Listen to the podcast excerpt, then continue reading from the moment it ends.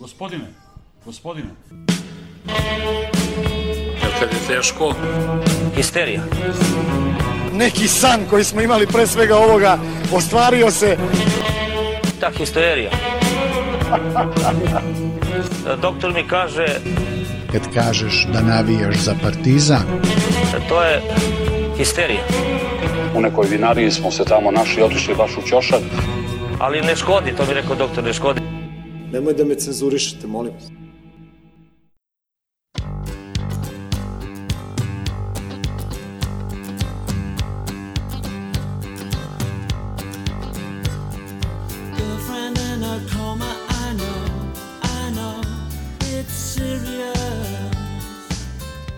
Zdravo živo grobari, dobrodošli u 14. Uh, histi u sezoni broj 5 i verovatno posljednjoj ovoj godini. Pošto sad smo ga nešto zgusnuli, ovaj, imali smo, snimali smo pre 8 dana, to je suviše žestok tempo za nas. A Vili se još nije oporavio, a da, nije bio ni na prošlom. A ovu emisiju smo dočekali onako a, solidno dobrom raspoloženju, a, zahvaljujući pre svega jako dobrim rezultatima. Sad, mogli bi se možda i pričati u futbolu da, da smo imali kiks, ali da vas pitam, imate ova dva meča, jedan x i jedan kec, kako biste rasporedili? Mislim da, da nema šta da se doda tome, tako da smo postali i takozvani jesenji prvaci. To je jesenja titula koja Igoru Duljeju ne znači ništa, ali nama petorici oko stola i tekako znači. Ne znam da li je, da li je dr. Tvorzan dao izjavu da, da se nisu nikada palili na jesenju titulu. Ali ovaj, a, u basketu takođe a, jesmo koliko juče onako bili isprašeni u Madridu, ali to je bio treći meč na toj turneji, mini turneji sa koje ja mislim da svaku svako bi potpisao jednu pobedu, ostvarili smo dve, tako da baš puna kapa. I rekao bih jedino što zaista kvari raspoloženje je naš najveći poraz se desi u stvari u nedelju, a to je pored svih nas. Ponovo izbori, ponovo znamo kako će to ići. Tako da u studiju ovako jaka postava, šef trobi da uveliča naročito futbolski deo, Lemzi da uveliča košarkaški deo i ekspert za stalne rubrike Gogec. I gospođa Trobo kao Gospođa moralna Trobo. potpora. A kao da, a, kako se kaže, posmatračka misija i fotosekcija i ovaj i i i Kac i Mondo koji koji će se uključiti dva puta Iz ofa. iz ofa, a primetit ćete po trajanjima, pošto ovaj iz- izveštaj iz Valencije traje preko 15 minuta iz Madrida, nešto više od 5, shvatit ćete a, koja ekipa we are singing whe- when we're winning. Da, ovo je još jedna stvar bitna, Vili ponovo odsutan, To sam već rekao, pa preforsirao se. sve, sve je preče. Duše sad ima kao poluopravdani razlog neko korporativno okupljanje. Team Nije- builduje, team builduje. Nije, nije IMT u pitanju. Um, penju se na planinu, traže ne- neidentifikovani leteći obrek, objekat i piramide. Traže Novaka Đokovića, da. ok, Pozdrav za traktora. ok, ovaj, to, to je bilo to, ajde, ovaj, idemo neki veseli džingao, pa krećemo redom.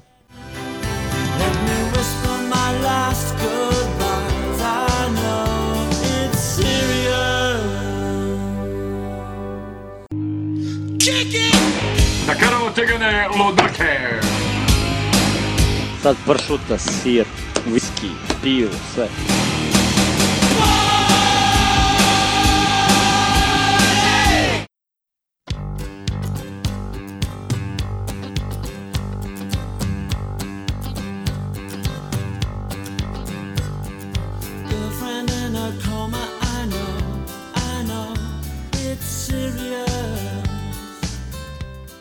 Par zanimljivih trivija pre nego što ovaj krenemo, a to je jel u redu, nadam se da jeste. A to je a to je da pre desetak dana ovaj podcast je proslavio svoj četvrti rođendan i o, ušao u petu godinu. Poslednja pobeda u, u futbalu je bila nek tri meseca pre toga u prvenstvu, a jedna jedina koja je među vremenu bila protiv njih je e, bila u kupu posle korone kad je Natko izlomio, u stvari kad je Sadik izlomio kičmu ovaj, određenim odbrambenim igračima komšinice i onda i, i strelac ovaj prvog gola u, u sredu je ovaj zapečatio im sudbinu i ono što je takođe zanimljivo, ta epizoda je jedna od slušanijih epizoda u, u, u, u 200 epizoda ovog podcasta.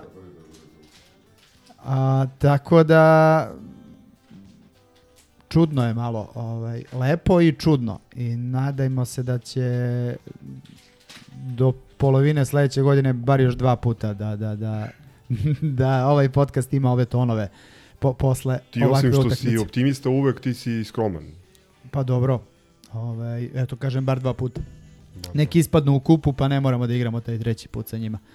A, tako da, da većina nije očekivala. Ma ne većina, niko nije očekivao. Dobro, nemoj tako. ja uvek očekujem i nadam se. Ovaj, i, Ne, si očekivao stvarno, aj sad najiskrenije. naj, posle, na, posle na, radničkog, najiskrenije. jednog i drugog se očekivao da dobijemo cigane. Očekivao sam od septembra iz prostog razloga što sam video da je ekipa limitirana, ali da je luda i da će da, da, da, da pogine. I znao sam da će smo završiti ili sa tri crvena kartona ili sa, ne sad da pametujem, ali prosto ja se uvek nadam. Ali, Pa dobro, jedno je nadati se, drugo je realnost. ali kad sam video one naslove 3-4-0, e, pomažu im sudije i slično, onda sam bio ubeđen, jer kad god su srali, ovaj, da ne idemo, i to je već daleka prošlost, ali sjetite se onih nekih derbija kada im je uh, ovaj što mu je Kijeva iz Čačka bio, bio trener, kako su pompezno najavljivali da će da nas demoliraju, da su kvalitetniji i slično. Tako da, da ovaj, Ne, to jeste tačno, to što kažeš, da svaki put kada su najavljivali 5 ili 6-0 i pravili svaki put kada su najavljivali koje šta dešavalo se, to je tačno, ali isto tako u istoriji našeg susreta nikada nismo imali ovakav, ovakvu razliku u smislu ulaganja, podrške, logistike Pa znaš kako, i svega evo, ostalog. o, o, ono što je meni Plus, izvini, plus taj jako loš uvod u, u derbi, mi koji smo izgubili osam bodova, jel tako, za Tako je. nešto manje od tri nedelje. Tako je. Ovaj, e, ono što je meni u glavi, a to je da je taj opravdani strah ovaj, kod navijača Partizana da ćemo da doživimo neku epsku bruku protiv njih krenuo od one sezone kad je Bata Mirković bio i realno tad smo ih ubili, prebili i, i, i, i zatvorili ono iz edicije ovaj, kada se mnogo krade ono kad je, kad je Stojković izvadio onu loptu iz gola pa su priznali ono realno nepostojeći gol. Tako da da od tada se mi vrlo dobro držimo pogotovo na JNA i sad ok, lako je sad pametovati, sad su verovatno mnogi, e, nije bilo realno, ali ja sam očekivao, isto sa, sa jednim grobarom sam gledao Valenciju veče pre i on mi je rekao ti si lud, rekao ono, mislim da ćemo da ih dobijemo sad. Ovaj, I, da, to, da, I to je tačno, znači tačno je da m, tradicija da je na našoj strani, na našem stadionu, da oni sada, već može da se kaže, imaju određenu blokadu, da ne kažem kompleks od gostovanja na JNA. Sve je to tačno, ali čak i u poređenju sa tim njihovim timom koji je išao na Batu Mirkovića koji je najavljivao u to vreme 5-0, sećam se Marin i tako je. Boa, Boaći, leteći automobil ovaj, i tako dalje. On, ovaj, Nesuđeno pojačanje Chelsea. Da, da, neće sa po, povećanje Chelsea-a.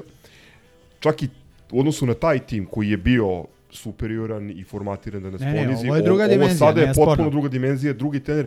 E, zapravo, ono čega sam se ja najviše plašio, osim e, činjenice da smo mi potpuno pali psihički, da smo se umorili, e, je to što je njima trebala jedna jaka pobeda, ubedljiva pobeda protiv nas, da sve ružne stvari koje su im se desile u preko na četiri meseca gurnu po tepih, da se zaboravi naprasno i to da je u taj propali projekat uloženo 75 miliona evra, da se amnestira trener i njegov stručni štab koji očigledno imaju, kao i kod nas, dozvolite mi da uporedim s Ilijom stolicom, ove, imaju određene revolucionarne i hrabre zamisli, ali nemaju apsolutno nikakvu podršku da ih, da ih implementiraju.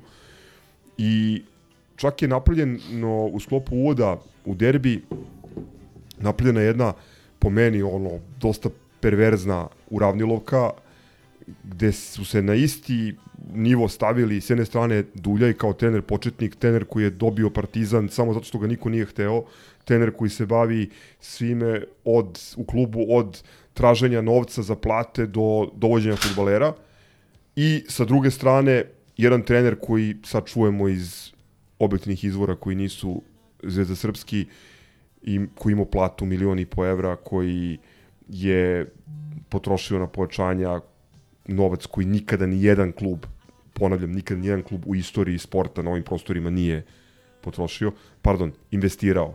To je eufemizam koji Terzić koristi. Znači nisu potrošili, nego su investirali. Klub koji ima apsolutnu premoć u svim strukturama u sportu i oko njega i od tuda sam očekivao stvarno da oni svu tu logistiku upregnu da nas ponize i da pokušaju celu stvar da taj svoj epski fijasko da stave, stave da gurnu po tepih. Tako da, imajući to sve u vidu, ovaj rezultat je ne samo neverovatan, nego herojski. I jedna verovatno od najvećih pobeda Partizana koju ja pamtim u svojoj ne toliko kratkoj karijeri navijača. Ovo što su Goran i šef pričali je uspostavljanje konteksta naše pobede i drago mi što smo time, što smo time počeli, jer mislim da je to uh, mislim da je to i važnije od analize koju ćemo obaviti sa zadovoljstvom ko je kako je igrao i kako je utakmica tekla. Ali taj šta god ispričali treba imati na umu ovaj okvir koji je Goran lepo zavitlao, šef dočekao, ja ću probati da ga nadogradim.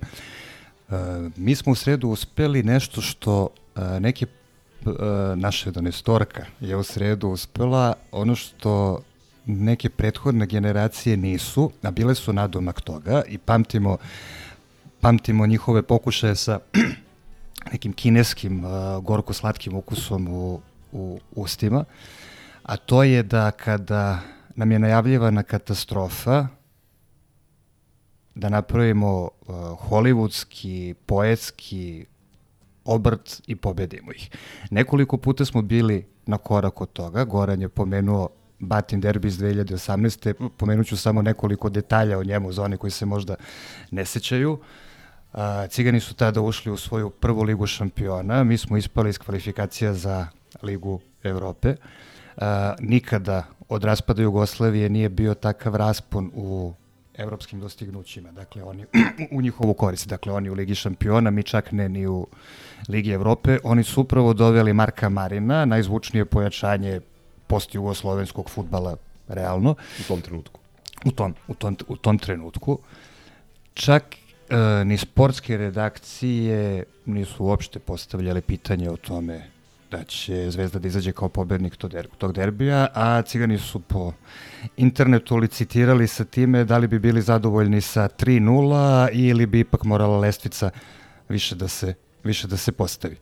Mi smo nastupili, podsjetiću, sa pogrešnim Miletićem na levom beku tada, sa pet godina mlađim i neiskusnim Svetom Markovićem u odbrani, sa Goranom Zakarićem i Markom Jankovićem na krilima, sa Dačom Pantićem kao organizatorom igre. Dakle, sastav sačuvaj Bože, sve ukupno. I ko pamti derbi onako kako ih ovi fanatici pamte, seća se da smo umesto očekivane katastrofe gledali pa barem 50, 55, 60 minuta najboljeg futbala koje je Partizan odigrao u derbijima od pamtiveka, gde Cigani u tom periodu e, ne da nisu mogli poslovično da pređu centar, nego su imali problem da iznesu ne, loptu iz slisterca, doslovno. Taktički ih je Bata urnisao Šćekić. Pre, sve, pre, pojeo pre svega, pre svega Šćekić ih sa kopačkicama i pertlicama. Desilo se ono jedino čemu smo se mi tada pred utakmicu nadali da smo imali histi tada pričali bismo upravo o tome. Bata ih je očito u danima pred utakmicu tada držao na kratkom lancu, hranio sirovim mesom i izašli su željni da rastrgnu bilo šta što se pojavi pred njima. Sećate se, Partizan je odigrao pressing kakav, sa, kakav smo sanjali, kakav sanjamo i danas, a nismo ga gledali nikada osim tada Goran je objasnio šta se kasnije desilo, bili smo zaista tragično nesrećni da samo jednu od šanse iskoristimo, a potom je fantomski gol Boaća Ciganima doneo najnezasluženiji nerešeni rezultat u istoriji večitih derbija, verovatno. Dakle, ta je generacija bila na korak od toga da katastrofu hollywoodski, hollywoodski obrne. A pre nekoliko meseci opet smo bili blizu toga, sećate se, najgora prolećna sezona, vrlo moguće u istoriji Partizana, sa gatovanjem, sa šerifom, sa porazom od, od, radnika iz Surdulice, sa dva poraza protiv Čukaričkog, kao vrhunac čak i bez publike na JNA. Mnogi ljudi nisu smeli čak ni na TV-u da gledaju tu utakmicu. Brat Mirki i ja smo bili tamo, jer što bi, kao što bi Vili rekao, mnogo volimo Partizan. I opet, sećate se šta se desilo, šta su promašivali Diabate, Nadho, Jović, ispustili smo ih iz šaka. Bilo je dakle pril- prilika u kojima nam je najavljivana katastrofa i kojima smo u malo uspevali tu priču da obrnemo za 180 stepeni. U sredu smo najzad zaista i to uspeli.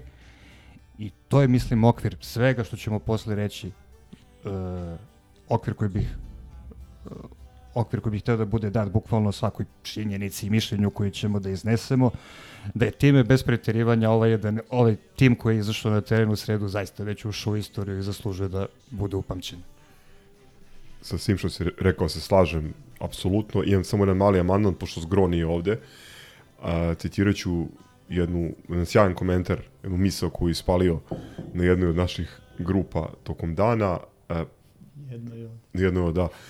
Još jedan moment po kome je ovaj tim ušao u istoriju i postao jedinstven je da obično klasičan tim Partizana u situaciji u kojoj promaši 5, 6, 7, 8, 9 šansi ili Terzić promaši prazan gol, primi iz jednog šuta tri gola i izgubi utakmicu. Ovo juče je redak primer da smo objektivno u, u, u jednom značajnom delu utakmice bili po, u podređenom položaju, ali smo izvukli utakmicu na borbenost i na e, zdravu i vrlo zasluženu sportsku sreću. E, zlonamerni sportski, ne novinari, nego mastiljari, um, ovi koji po naručbeni pljuju dulja, insistiraju da ga je majka rodila srećnog, ali ja mislim da je on uh, poštenim odnosom, radom, trudom, uh, prosto time šta radi za Partizan i za te momke koji su koji su ovaj, njegov deo u ovom trenutku gde je zaslužio.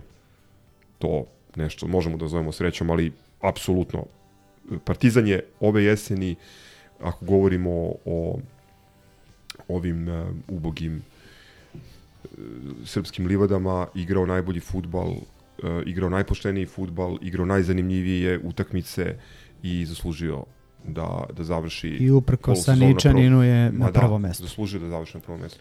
O, I sad, ovaj uh, Trobijev komentar me malo trigerovao, uh, baš ona jedna od najboljih utakmica Partizana u Evropi u, u ovom veku, aj tako da kažemo, i najbitnijih pobjeda je bila ona protiv Young Boysa.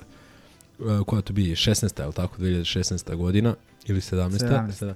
Ovaj, I ne znam, baš, baš smo ovaj, skoro nešto, možda čak smo i komentarisali uh, u podcastu, ti sad kad pogledaš tih 11, to je vrlo skroman i limitiran tim sa ove neke tačke gledišta. Ne znam kako nam je tada to delovalo, zato što kaže Trobi šteta što tada nije bilo histija, jer bi mogli da preslušamo i da vidimo naše tadašnje raspoloženje i, i ovaj mišljenje, ali ti sad kad pogledaš te neke igrače, ni malo to impresivno ne deluje. Uh, I apropo ove uh, priče koju smo šef i ja danas vodili u nekom našem privatnom razgovoru, uh, ne, ne, znaš ono što Dule, što Dule kaže, uh, Partizan je ono fenomen opruge, ono što, znaš, ali uh, on je naravno to misli u nekom dru, u drugom kontekstu, ovaj, u, smislu da što ima više nekih bočnih udara i udara sa strane, to, to, to se nekako jače ovaj e, kako se zove Homogenizuje se. Je- Jeste, da. A futbolski klub je kontra. Fut- Futbolski klub što uh, ga više iznutra rušiš i što ga više iznutra devastiraš, pojavi se neki, eto, Bata Mirković spreman da se bori, Gordan Petrić e, sada Igor Duljaj, ok, ja sam sad možda malo licemeran jer letos posle jedne od onih katastrofa sam i rekao da bih voleo da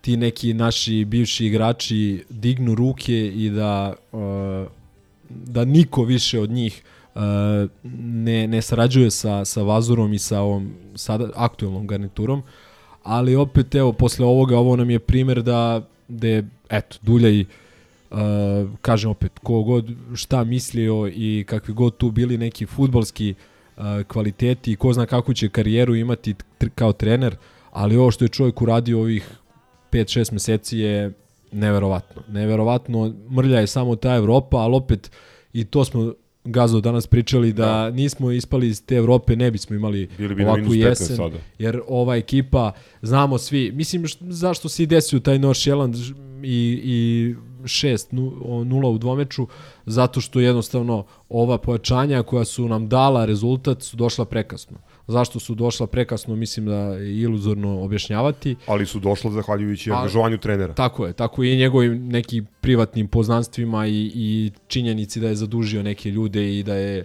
ovaj prijatelj sa nekim ljudima i da mu oni žele dobro. I da je uporan ko mazga. E, na, I znači, očigledno da mu veruju na reč, jer ne verujem da su bilo kakve finansijske garancije mogle da, da Apsolutno, pokriju bilo šta. ali mislim da ih je ova polusezona već sve etablirala kao ozbiljne ili poluozbiljne igrače koji mogu da, da Sa naprave sebi. izuzetkom Kalulua koji još mislim koji igra ok, pokazao je da Bori može, se, ali da, da. ali koji može da raste i koji je igrao u nekoj nekom periodu svoje karijere bolji fudbal, većina njih trenutno igra najbolji fudbal Da. svog života. A, ok, ajde, Zahid je, mislim, ozbiljan igrač, ali i on, neki potezi koje smo videli ove jeseni su zaista ono vrh, vrh majstorija ovaj, ajde neću se da poredim sa nekim drugim majstorima koji su noš, nosili naš, naš dres, ali pa mislim na kraju krajeva uvod drugi gol na derbiju. Ja ću da uporedim poezija. da je Zahid samo nekoliko godina mlađi, smatrao bi ga nadhovim naslednikom.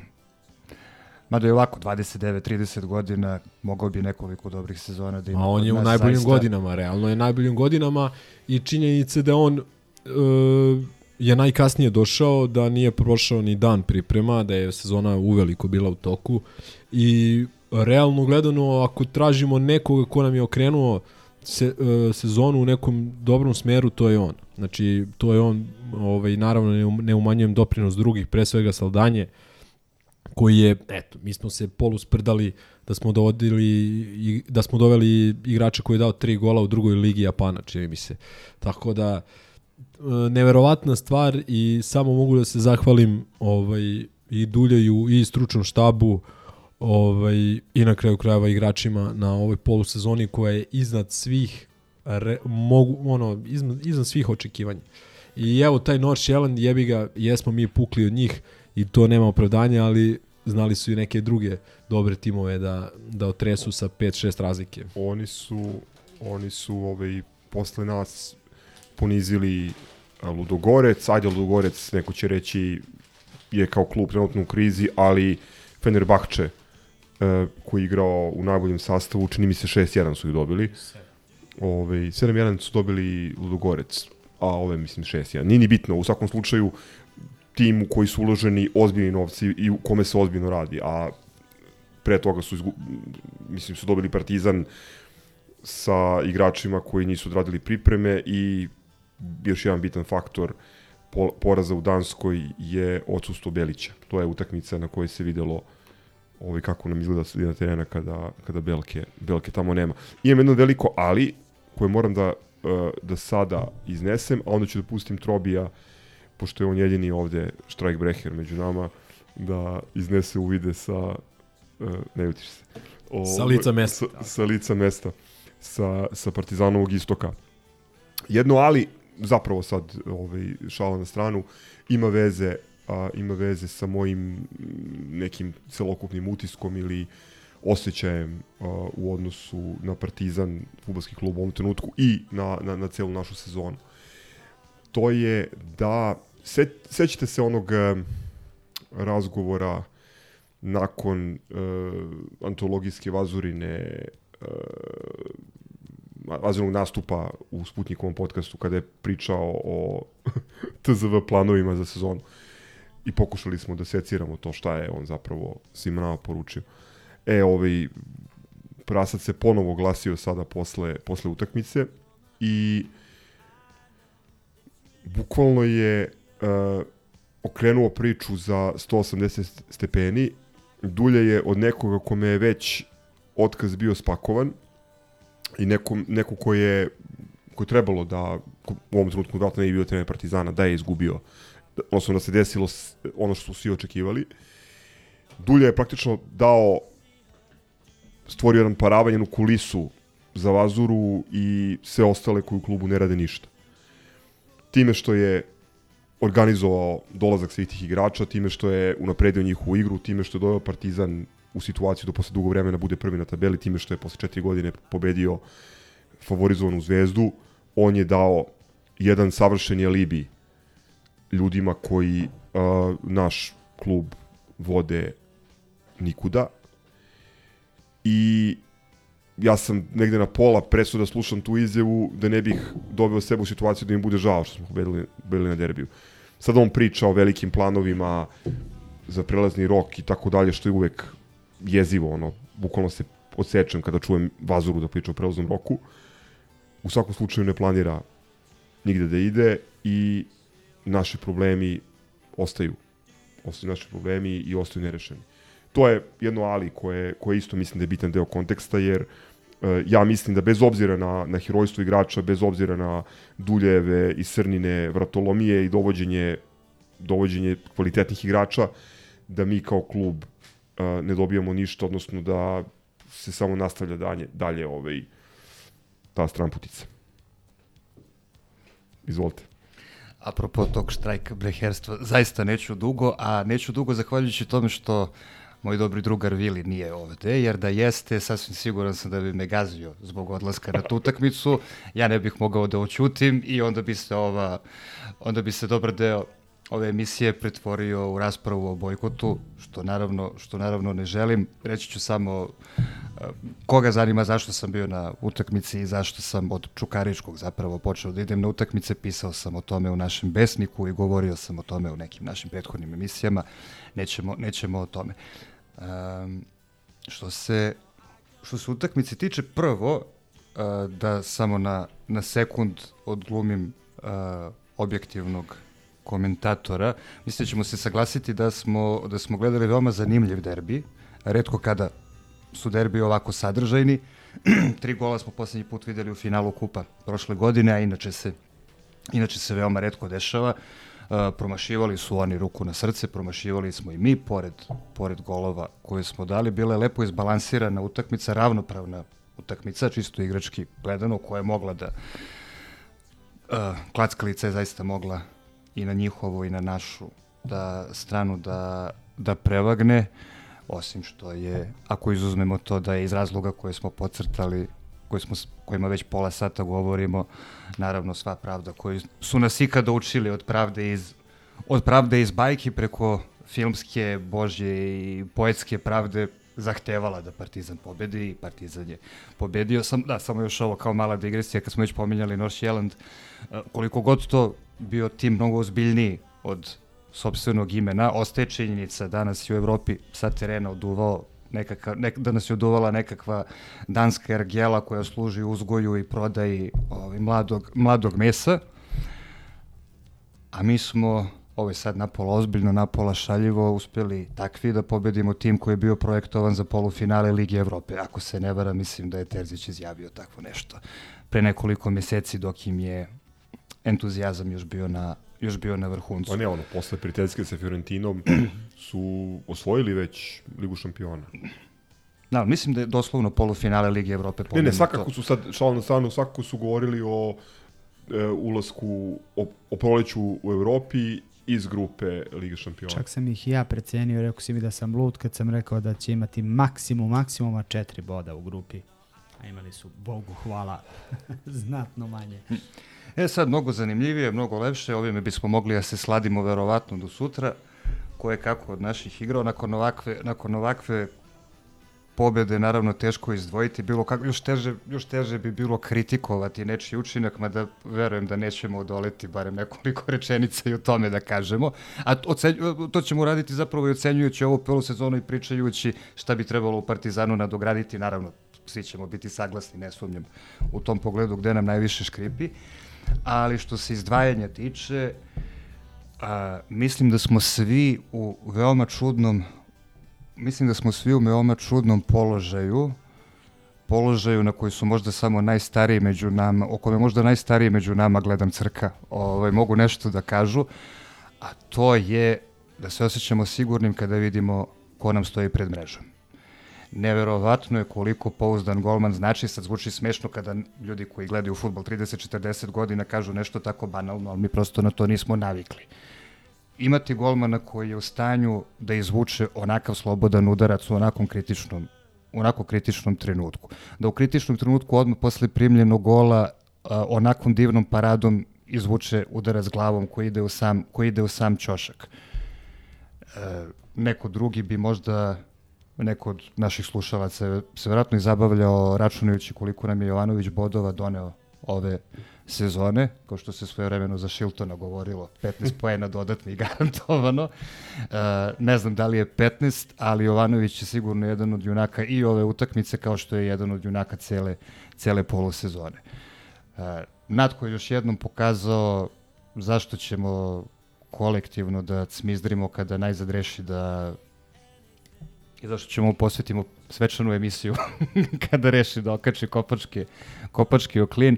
Onda kada je bilo najvažnije, onda kada smo ko zna koji put svi pomislili da ipak i njemu došao, da ipak i njemu došao kraj, toliko upečatljiv trenutak da on izvodi penal onako kako ih je izvodio na samom početku, onda kada smo, onda kada smo mu se divili zbog toga što ne samo što pogađa penale serijski, nego što golmani ne mogu ni da ga pročitaju. Kao neki od Ovde mu je- prvih njegovih penala protiv AZ-a, na primjer, onda 2019.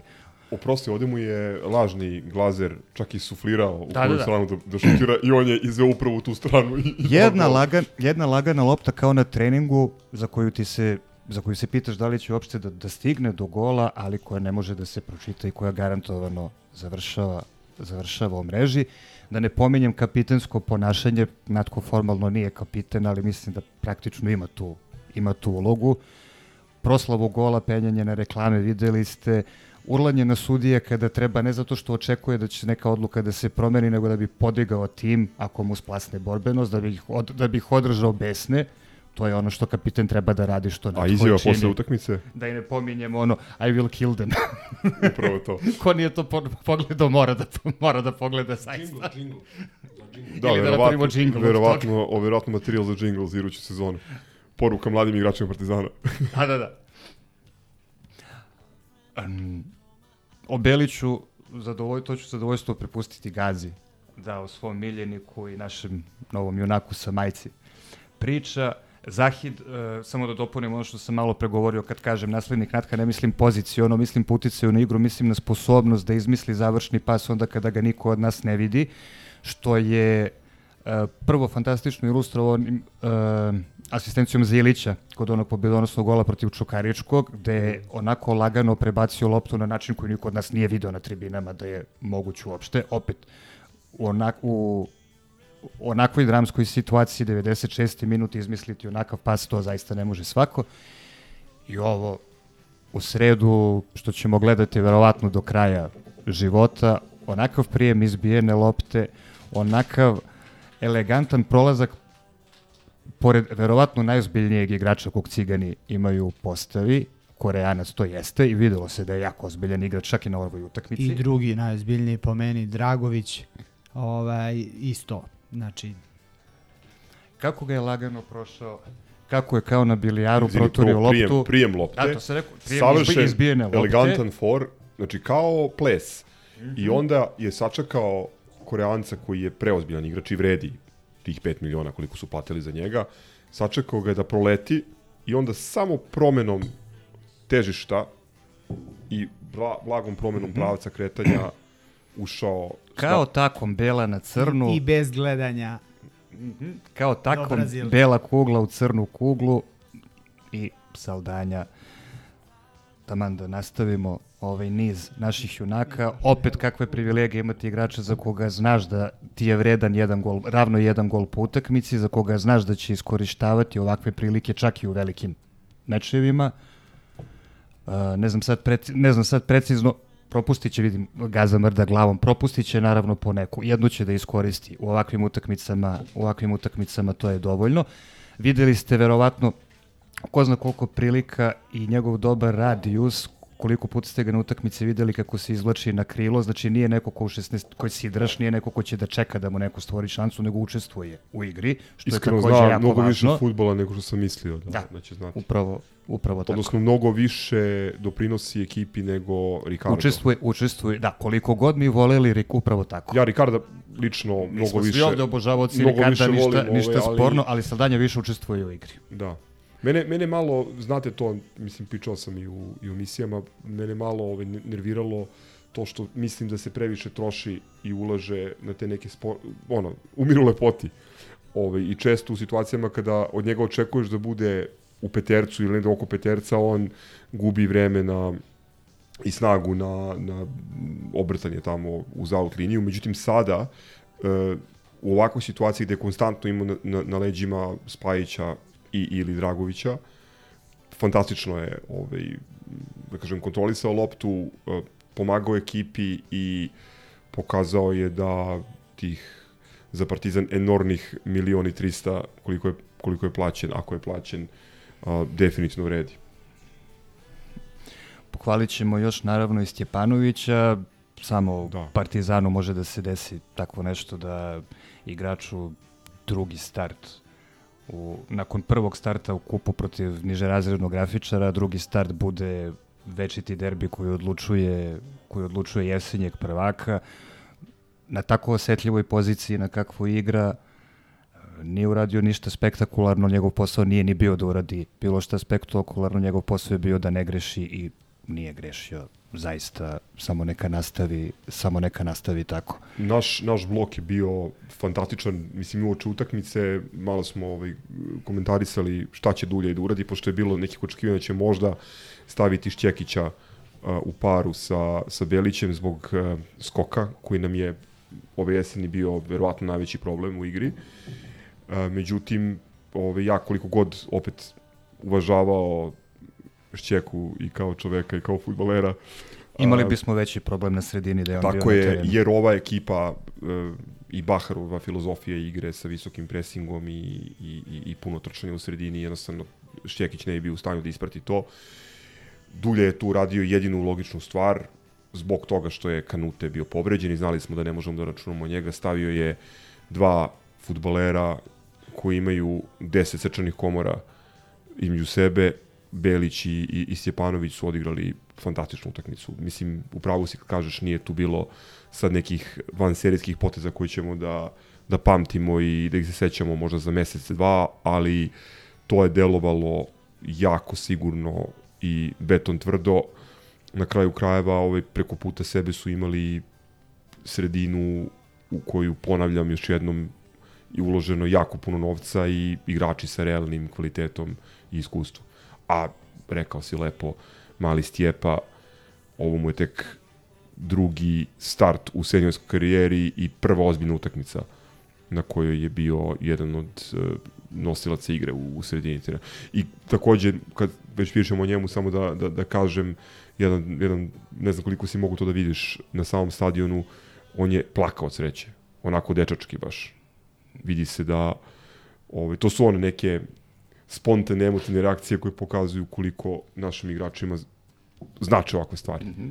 Upravo tako, o tome su mislim i, i Milenko i, i Goran pričali ranije pred svaki derbi, a pogotovo pred ovakve, kada nam se crno piše, tražimo samo borbu i dobili smo je, a uz to smo dobili, eto, najzad, to smo najzad dobili i pobedu, ja sam, evo, tri dana već na oblacima, ne znam koliko ću još da, koliko ću još da, koliko ću još biti na njima. Uh, ide zimska pauza, pa ću možda i celu da, celu da, provedem, celu da provedem takav. Uh, samo, još, samo još ovo što se utakmice tiče, uh, kada pominju Stjepanovićeve suze, A, verovatno ste do sada negde videli snimak, kako niste, to se na stadionu još mnogo lepše videlo. Moment, jedan metonimičan moment zaista koji, e, koji opisuje celu ovu utakmicu. Sad bi te Vili pitao šta je metonimija. Figu, figura koja sit, sitnim objašnjava krupno. Elem, a, moment u kome Belić dobija napucanu loptu u facu, tu pred istočnom, pred istočnom tribinom, jedva se pomera i onda onda u stilu, on- onda u stilu nekakvog boksera koji ulazi u, u ring stiš, stao i stiska ruke u pesnice stiska vilicu, okreće se ka nama ne znam da li je počeo da viče ili nije ali upravo to je, to je bio prizor. Evo ni lopta, ni lopta u facu mi ne može ništa sve je u redu. To je zaista bila, to je zaista bila slika i prilika ove utakmice. Uh, što se, što se kritika tiče, e, neću čak ni, neću čak ni po imence, većina, većina ljudi bi ovde pomenula Antića, E, n- neću čak ni njega da kritikujem, on je zaslužan za pobedu kao odigrao je 90 minuta, dakle zaslužan je koliko su i svi ostali. Samo jedno uputstvo igračima Partizana u buduće za, za ovakve situacije. Ako imamo 2-0, ako prema vama juri protivnik, ako mislite da ne možete da ga zaustavite drugačije, nemojte da bežite od njega, opali ga pesnicom u lice. Bolje je 2-0 i igrač manje nego 2-1 i da ih vraćamo u život. Dakle, to je jedina zamjerka. Dešavalo se još nekoliko puta tokom, tokom utakmice, što je malo čudno uzimajući obzir da sve vreme govorimo o borbenosti, ali u svu tu borbenost nekoliko puta, ne nekoliko, više navrata se dešavalo da malo bežimo od njih, bilo je opet, bilo je opet po neke šetnje kroz naše linije koje nije smela da se desi i gol koji smo primili je na kraju krajeva i posledice toga. Dakle, u buduće, momci, ako ne znate šta drugo da radite u takvoj situaciji, ma zabodi ga bre u glavu najozbiljnije. Bolje, bolje tako. To je dakle to je dakle jedina kritika, dakle zašto nije bilo 100% borbenosti nego 99. drveni advokat Antićev iz dva razloga. Prvo zato što, um, ne znam da li ste svesni, pretpostavljam da niste, Antić nam je uh, uz uh, golmana Jovanovića najstandardniji igrač ove jeseni. Ne znam da li ste svesni toga. Ma znam ja što ti njega braniš, što si ga dovodio na futbol menadžer, aj nemoj sad. Između ostalog. Ali to nije drugi razlog koji hoću da pomenem. Uh, on je protiv, se, protiv sebe imao objektivno najboljeg uh, i najbržeg najbržeg uh, ciganskog igrača. Tako da uh, u, u bilo koje Koji se uopšte nije naigrao. Pa nije osim tog nameštenog gola Dobro, ali- i jedne, jedne ozbiljne šanse koje je promašao u prvom polovremenu nije imao neki fantastičan učinak, šta više mislim da su oni nama više problema napravili u prvom poluvremenu preko ove Aranđelove strane. A, Tako da bih ja rekao da je Antić e, svestan sam svih njegovih limita odigrao zapravo jednu, jednu jako, jako dobru utakmicu. Zato i podlačim zaslužan kao i svi Da. ostali, bez obzira na primljeni gol. kad smo kod Bukarija, e, samo m, da, mislim da zamolim ljude da pre bilo kakve priče sa, ako pričate sa poznanicima Crvenim zvezdašima, da pogledate zajedno kako izgleda naš sastav, kako izgleda njihov sastav, znači u našem sastavu, između ostalog i taj Stjepanović, kome je to drugi start seniorski u životu, i kako izgleda njihova klupa. Na njihovoj klupi uh, je pet ili šest igrača koji bi kod nas bili ne samo legitimni starteri, već nosioci igre u linijama tima.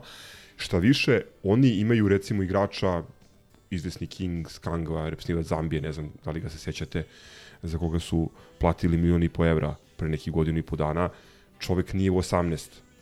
Taj Kangva bi kod nas bio uz Belića verovatno nosilac, nosilac igre u, u, u sredini terena.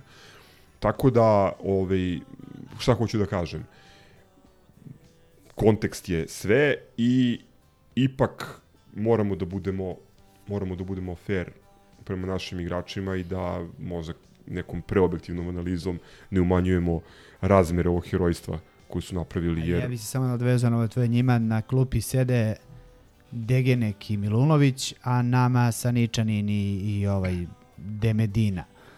Ovaj, I neko je na jednoj od grupa... Ducinjo i Baždar. Da, da, da, ali, ali pričam evo ono, ono gde smo mi najtanji, a to je ako ispadne neko od ove dvojice u sredini pozadi, e, prosipaš bodove, realno, ono, Ni- nismo skloni pljuvanju naših igrača, ali Ovaj, Saničanin je definitivno za, za, za teleoptik dečko, neki živi zdrav, hvala za sve, ali ovaj, pošto smo preskočili tu, tu krenuli smo od lepših tema, ali, ali prosto ovaj, ne može da se poredi no, Da nije napravio ono što je napravio u trećeg gola Kragujevca, vrlo moguće je da bi igrao kao starter na derbiju, tako da sve je dobro što se dobro završi.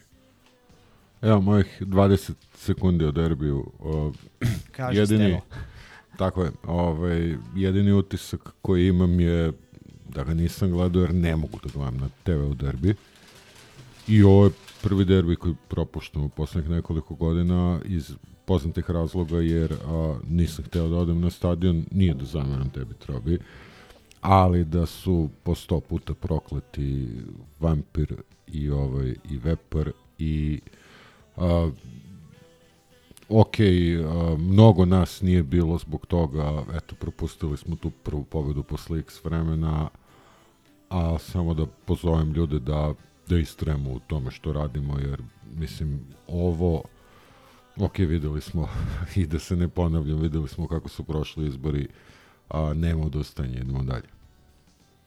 Ali ja bi samo, ovaj, kad smo već, da, da, da dam još malo uh, uh, uh, uh, mesa o ovoj našoj pobedi, koliko je velika, a to je komentarisali smo, ja sam negde našao jedan od, od, jedna od analiza je, sad me iskreno mrzi da tražim, ali koliko su oni uložili i kolika je vrednost tima, pričamo o letnjem prelaznom roku.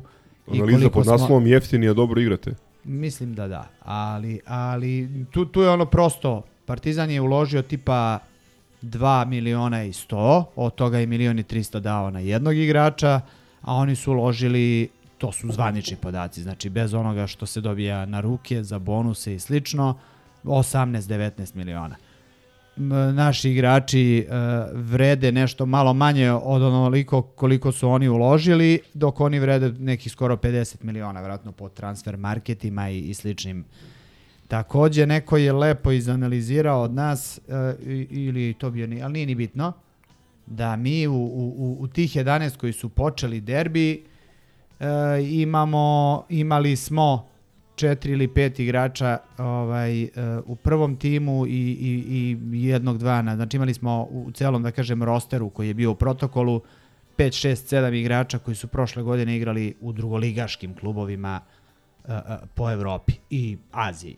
Tako da, da nema tu šta dalje da se priča. Oni dovode igrače iz Olimpijakosa. Neko bi sad rekao, ok, mi smo doveli Natka, ali to je dođi, bit će ludilo ovaj epizoda na moju reč, ali opet smo došli u tu situaciju da trener dovodi igrače na svoju reč. Da.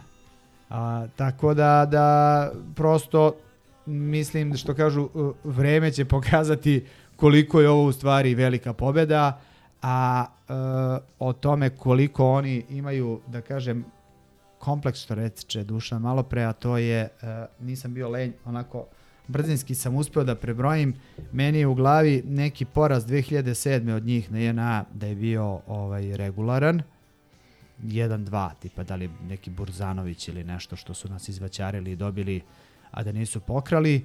Bio je E, Kadu. Bio je Kadu, bio je Glođević sa čarapom na glavi, znači jedno od većih e, To je poslednji poraz. pljački, naš. da, u, u, u, u ovom veku sigurno. Facijalna ekspresija A nije i da ih poništen- nije i bilo. poništen I gol. poništen gol onog đubreta iz Užica, govno Užičko. Ovaj, e, e, tako da, da e, ako sam dobro prebrao, znači plus minus jedna, sa akcentom na plus, u poslednje 23-24 utakmice u prvenstvu na JNA od te 2007. izgubili smo tri. Tako da, da ovaj, reklo bi se kanda solidna statistika, nek tako i ostane, ali, ali da oni imaju problem, imaju i tek će da ga imaju, sad mislim da će ga imati i na svom terenu ovaj, za, za, za neka dva, dva i po meseca. Milenko odbija da derbi, samo, komentariše. samo, samo da dopunim ovo što je gore rekao, futbalski derbi uh, počinju da liče na košarkaške, a to je da se domaći teren... Igraju često. Da se, ili da, da domaći teren znači sve. Da se domaći teren čuva kao zenica, kao zenica oko svoga, ali mi smo, mi smo u tom pogledu otišli i dalje zaista do sledećeg mogućeg derbija na našem stadionu tek je u aprilu. Uh, tek je u aprilu moguć, zavisnosti... 9. marta je u Rupi. Je u Rupi i onda u aprilu u play-offu zavis, zavisnosti od toga kako, budemo, kako se budemo rasporedili na kraju prvog dela prvenstva. Biće dakle osam godina kako kako čuvamo naš kako čuvamo naš dragi Lavor i to zaista ne znam da li smo u istoriji imali takav period. Samo, samo, samo da kažem da ne odbijam, da, da, da učestvujem tamo posla, posle pobede u derbiju, ovaj, nego stvarno je, a, o, a ova analiza je jedna od boljih. O, sad sam ono, zavalio se i ja sam jednim okom gledao Žalgiris Barcelona, ali sam pratio šta ste pričali i, i moram stvarno da vas pohvalim. Uh, miks ono, činjenica i, i nekog ličnog doživljaja u najboljem mogućem, ovaj, ma, mogućoj meri. Uh, evo, ne znam, od uh, istorijata do statistike i podataka sa transfer marketa, razumeš, baš smo ovaj, kako se zove, sve smo pretresli ne bi stvarno da nekim opštim mestima da, da kvarim niti analizu, niti ono, eto, najveću pobedu u prethodne četiri godine. Dobro, Milenko. Trobi, hoćeš neki utisak da podeliš sa nama, sa stadiona, sa nama koji nismo bili Moram, na mor, ovoj moram, samo, moram samo još ovo. Dakle, uvažavam svačiju odluku ko misli da treba da bojkotuje, neka, neka bojkotuje, ali moram da, da pohvalim istok i podršku sa zapada. Uh, ne bih smeo to da zaboravim. Ko je bio na utakmici, zaista se, zaista se potrudio da tim bude da tim bude bodren. Napisao sam vam kada se utakmica završila, ličilo je to na neke stare dane anarhije, kada se pes, kada kom padne na pamet spontano povede pesmu, prihvati se ili ne, pa onda a, ljudi koji su manje ili više obavešteni o, o skandiranjima koje su običajene, koje su običajena, pa četvrtina ljudi skandira maršu tunel, druga četvrtina maršu rupe, treća maršu kurac, četvrta maršu dupe. Stvarno je to bilo mnogo, mnogo slatko, ali, ali 90 min, ali 90 minuta jeste Partizan imao podršku za koju mislim da je u ovakvim okolnostima značila i značila futbalerima. Slavilo se po završetku utakmice onako kako se obično slavi, mislim da po osmesima i po što, što, po osmisima, što po onim facama pobednika koji je upravo izašao iz neke ozbiljne bitke. Mislim da se vidi ne samo koliko je igračima značila pobeda, nego koliko je, koliko je značilo i bodrenje koje su imali, tako da čestitam svakome ko je uh, uz uvažavanje onih koji nisu bili, čestitam svakome ko jeste bio i ko je podržao ko je podržao momke u ovako važnom trenutku. Dobro. Hoćemo sada neki kraći pregled sezone, polusezone ili ćemo to da ostavimo za, za sledeću, sledeću epizodu? Pa možda bolje ostaviti, ne kvariti. Ne kvariti, ja? Pa, Dobro. mislim, Ja sam već manje više rekao ono, u onom opštom, de, opštom delu na početku, ono što mislimo, a možemo malo detaljnije ili opširnije da, sledeći malo put. Da, da, da razbijemo košarkašku monotoniju, hohogo. Dobro. A ovaj, obilazimo kao kiša oko Kragovca, ili šta? Da. Kragujevac obi- obilazimo kao kiša. A mislim da je to u redu i da može tako i da ostane. Tako da, Jedina stvar koju želim da pomenem s te utakmice, zapravo dve stvari.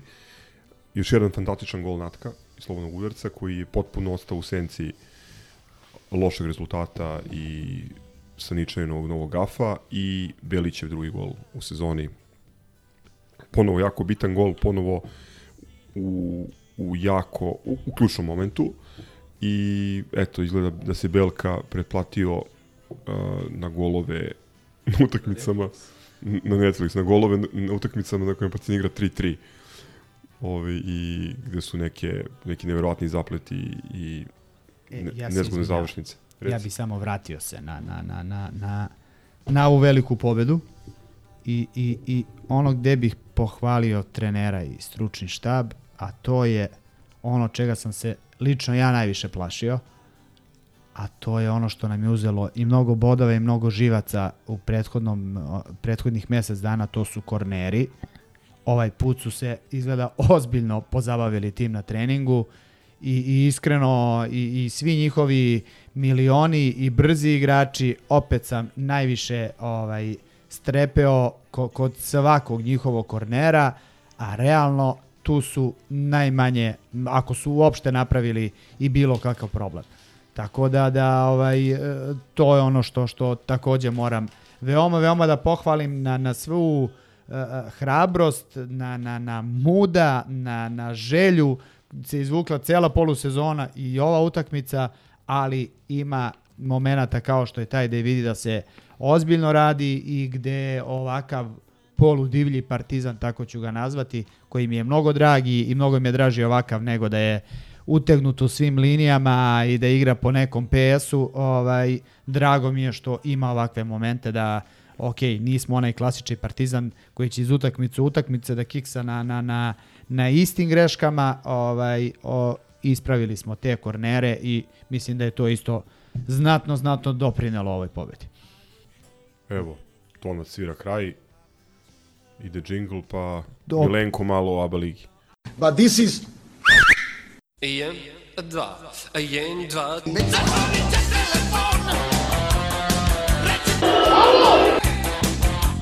Alo!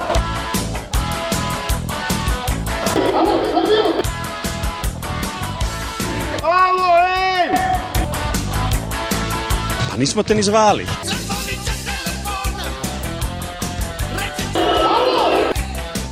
Future is all important.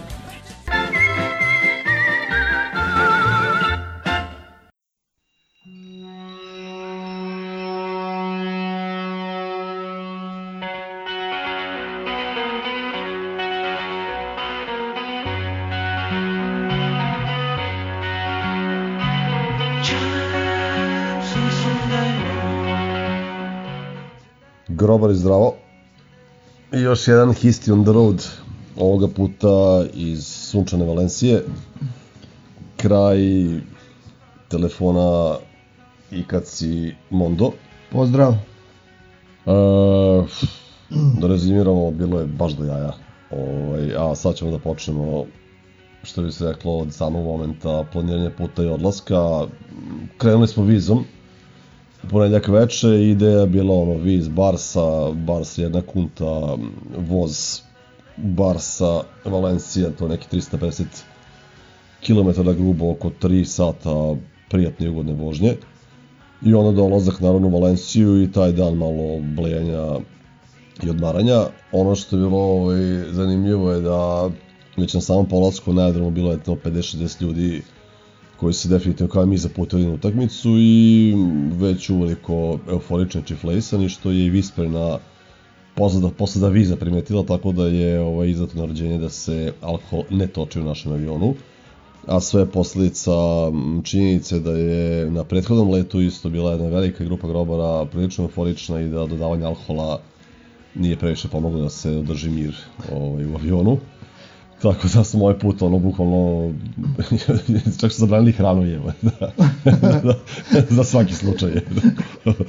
ovaj, ali uglavnom ok, put potekao dobro, ljudi stigli euforični i manje više spremni vrlo za, za, za celu utakmicu. Za celu utakmicu. Dobro, za, za tekmu. valja napomenuti da ta zabrana ovaj, nije nije omela grobare da konzumiraju isti. Ovaj, evo, na primer, kolega je uneo par unučića rakije, a ovi momci A to je samo zlo ne trebalo. iz, iz, iz zadnjih redova su ovaj, bili primećeni od posade, pa su, ovaj, na kraju su im presuli u neke čaše, valjda, da piju, našao se neki kompromis ipak, ovaj, videli su ovaj, stjuarti da, da, da, da neće popustiti i na kraju su ovaj, ipak svi zadovoljni ovaj, nastavili let.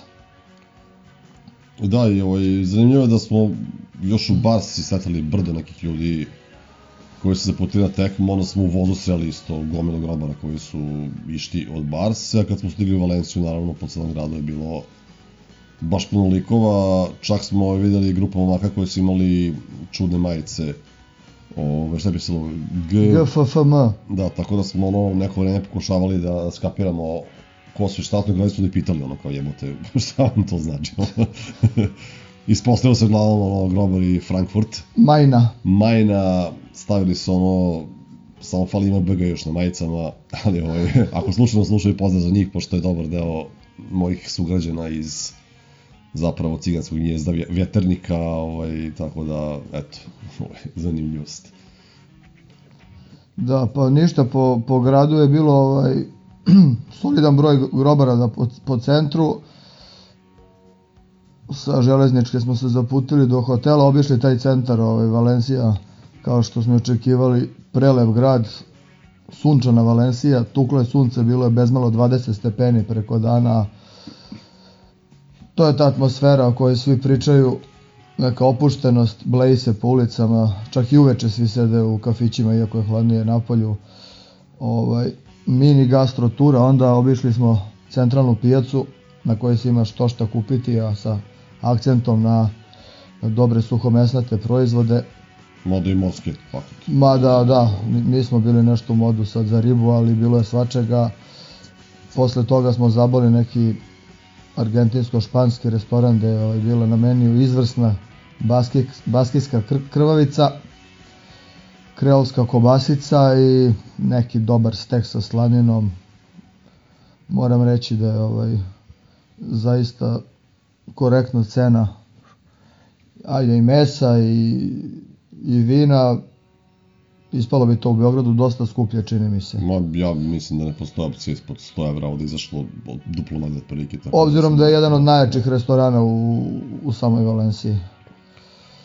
Ništa, posle toga ovaj, našli smo se u gradu, popili koje pivo i otišli do, do hale U stvari do paba gde su se grobari okupili. da parkiramo i otišli do ovaj, puba gde su se skupili braćama sa, sa, sa juga i braćama iz Nemačke. Bilo je možda isto jedno 50-60 ljudi. Pa čak možda i više. Možda da, i više, da, s obzirom da su sedeli napolju. Jeste, bilo dosta momaka iz, ovaj, čak dosta momaka iz sa južne tribine, neke i bivše saborce iz fronta, sretao smo i drage glave, bilo je isto dijaspore prilično, onako... Dosta ljudi iz da, Stuttgarta, eto da, da pomenem iz Stuttgarta, dosta ljudi, baš majci, ovaj, verovatno ostatka Nemačke.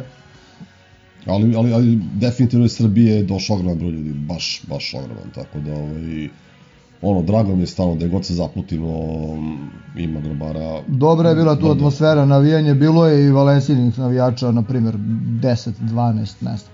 Sedeli su random, to je sve ok proteklo. O, ništa, onda odlazak u halu, možeš da uđeš u principu gde hoćeš, ono. Prsten je, možda uđeš gde hoćeš i otprilike da sedneš gde hoćeš. Da, mi smo nešto imali karte za 205, to je zapravo, kad se gleda hala, potpuno kontra odnosu na uh, away sektor, a na tom 218 su bili grobari, onda smo naravno zaboli samo ovaj, tamo i tu se otprilike lagano ljudi grupisali. I kako smo očekivali, evidentno je bilo da se u nekom momentu stalno počelo ovaj, puniti prilično, tako da je u jednom momentu dva, tri sektora su bila grobarska potpunosti, tako da su se španci koji su zatekli sticajem okolnosti e, prosto pomerili jer je bilo, bilo jasno da neće ne uživati na utakmici. Ovaj, a onako od starta lepo navijanje i što bi se reklo ovaj, vrlo agilno sa grobarske strane do momenta kada je usledio konflikt sa policijom, to se videlo na TV-u, prilično glupa situacija, iskreno u nekim okolnostima da je policija normalnija, tako nešto ne bi desilo. Jer su prvo ljude cimali se pomere e, od šipke, da može se prolazi, tu je krenulo neko prvo malo, malo nagurivanje, nakon čega u principu su ljudi smirili, zaista niko nije ni teo nešto posebno pravi sranja. Da bi onda neka dva mamlaza ovaj, pandura, bukvalno onako bezobrazno na pendercima kroz ljude prošli, i krenuli da guraju i onda je tu naravno odreagovalo par ljudi. Krenulo je ono, suštinski, neka minimalna kratka tuča, bez neke velike jako drame, više delovala je drama nego što je zaista i bilo i u principu četvoro, petoro ljudi je naših ovaj, izbačeno s tribine, znači nisu uhapšeni nego su ono izbačeni. I do poluvremena možda još dvoje, ovaj, izašao sam da na poluvremenu vidio da izbacuje jednog momka ovaj, iz hale, samo su ga izneli, gurnuli i zatvorili vrata, znači ništa, ništa više od toga, ali što kaže ikad totalno nepotrebno, jer ajde sad pričamo objektivno, kad pravimo sranja, pravimo ovde grobari stvarno nisu imali apsolutno nikakvu nameru u ovoj hali koja je ono smešna gde dolaze ono ljudi klap klap penzioneri mislim Klančine da prave bilo šta nije bilo tenzije nikom nije bilo na kraju pameti nešto tu da pravi i onda španska policija ovaj nama ajde koji kao idemo na neka gostovanja i, i, i pratimo to sve poznata po tome da voli da utera kurac gostujućim navijačima izmišlja neka, pravila, neki red da pravi apsolutno 101% njihova krivica da ne bude bilo kakve zabune. I bio, jebote, bio kod da sutra nema, mislim, krvnički bio. A bio, mislim, ono, prošlo mi je kroz glavu Madrid 2003. kad sa kuvanim motkama dužine metar i po kreću da, da, da nas nabadaju mislim, ono, baš, baš divljački, isto bez nekog velikog povoda.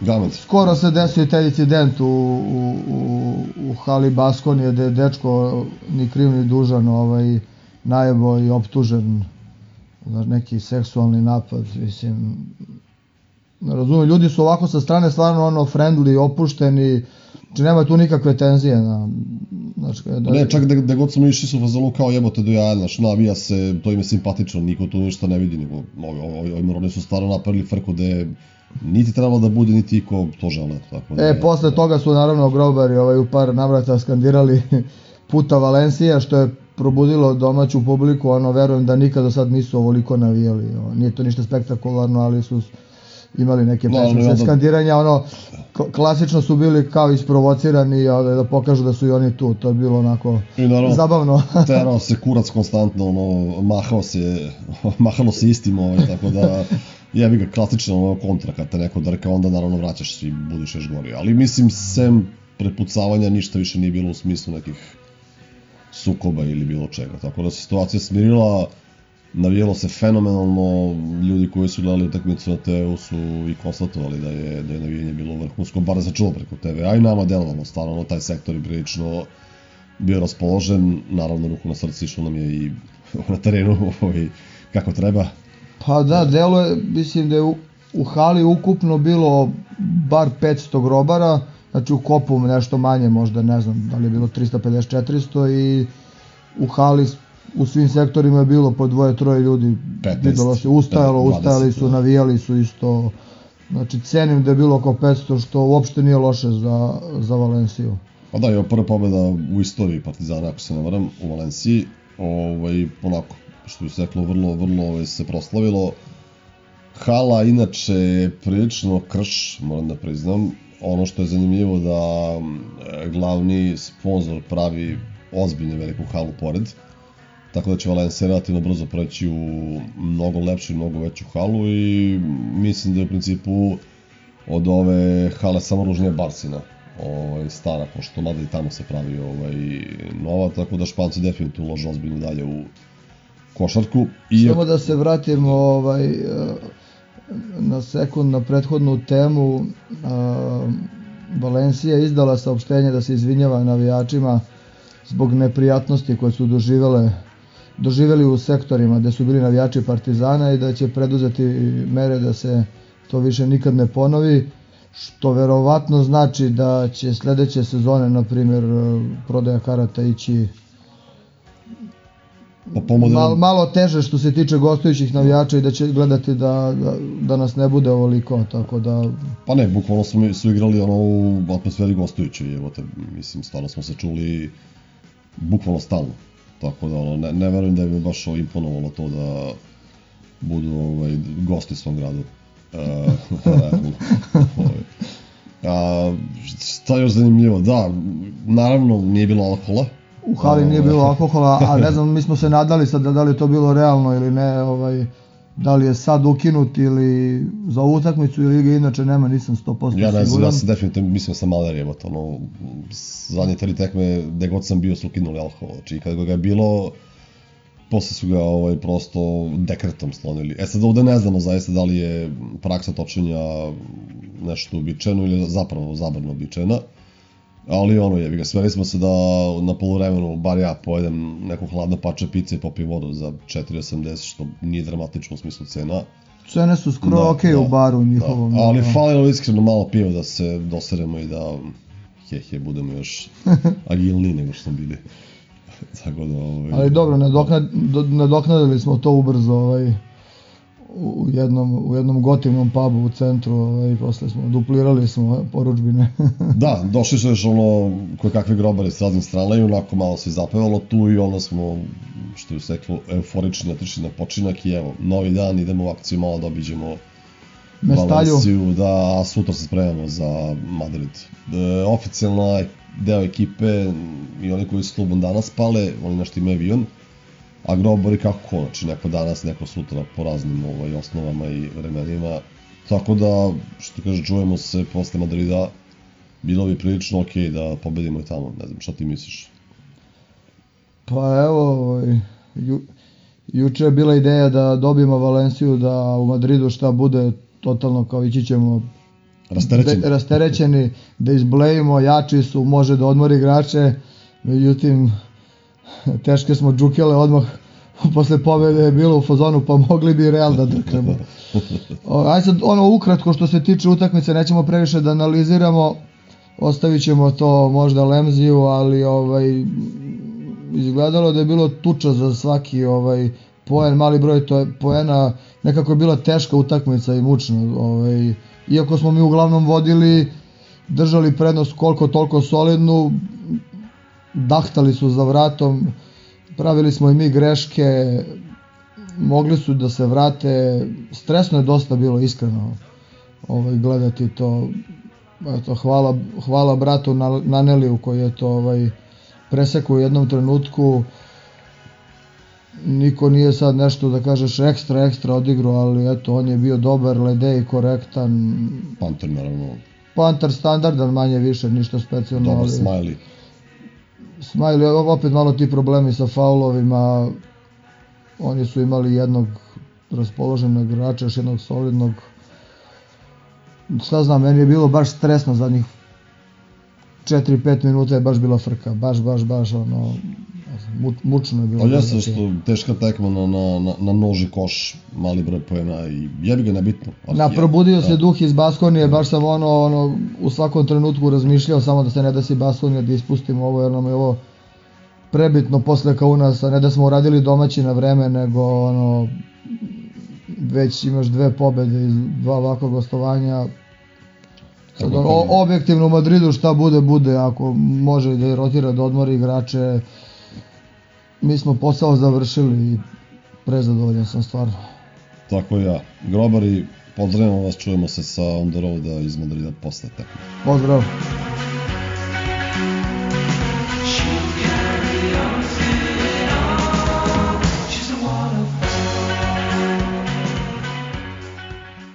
Obratite pažnju na listove Fakunda Kampaca.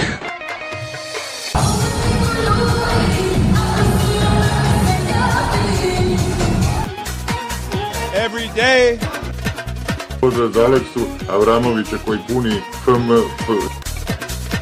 God is good. God is the greatest. Hvala evo Kamerun osvoji ABA ligu i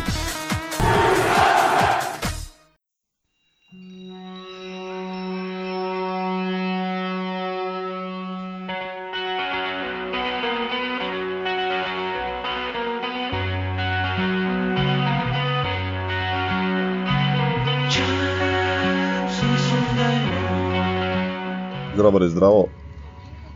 Vraćamo se sa španske turneje. Evo nas upravo vozom onda ja e, između u stvari praktično još uvijek smo u, u Madridu i krećemo ka Barsi.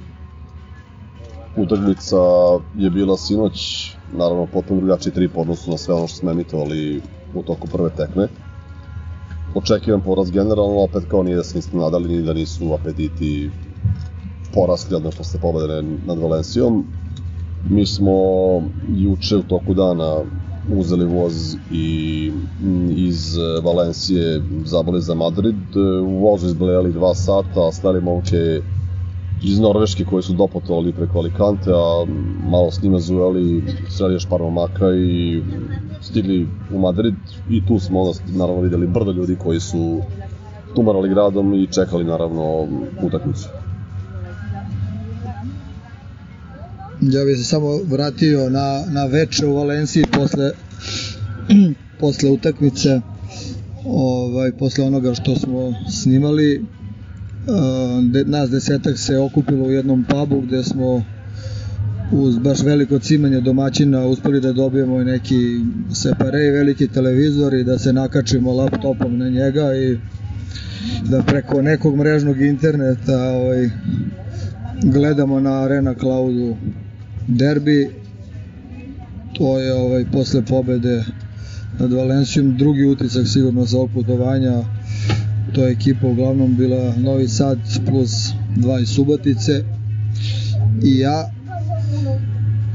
odlična atmosfera navijanje u pubu beskrajna sreća i popijenih 100 plus piva, bukvalno, znači ispraznili smo ono otprilike dva bureta.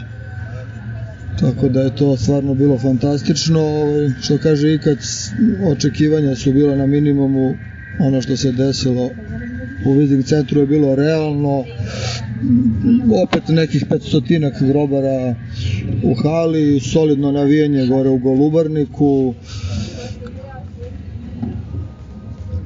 to je to otprilike, ljudi su već bili malo i iscrpljeni, kažem, ni- nije se nešto i očekivalo više od ove utakmice. Atmosfera oko hale, eto, bili smo u nekom opet gotivnom pubu gde je bio dobar mezetluk, počeši od nekih kobasica do neke njihove izvedbe ruske salate, na kraju fantastičnog svinskog gulaša za desetku.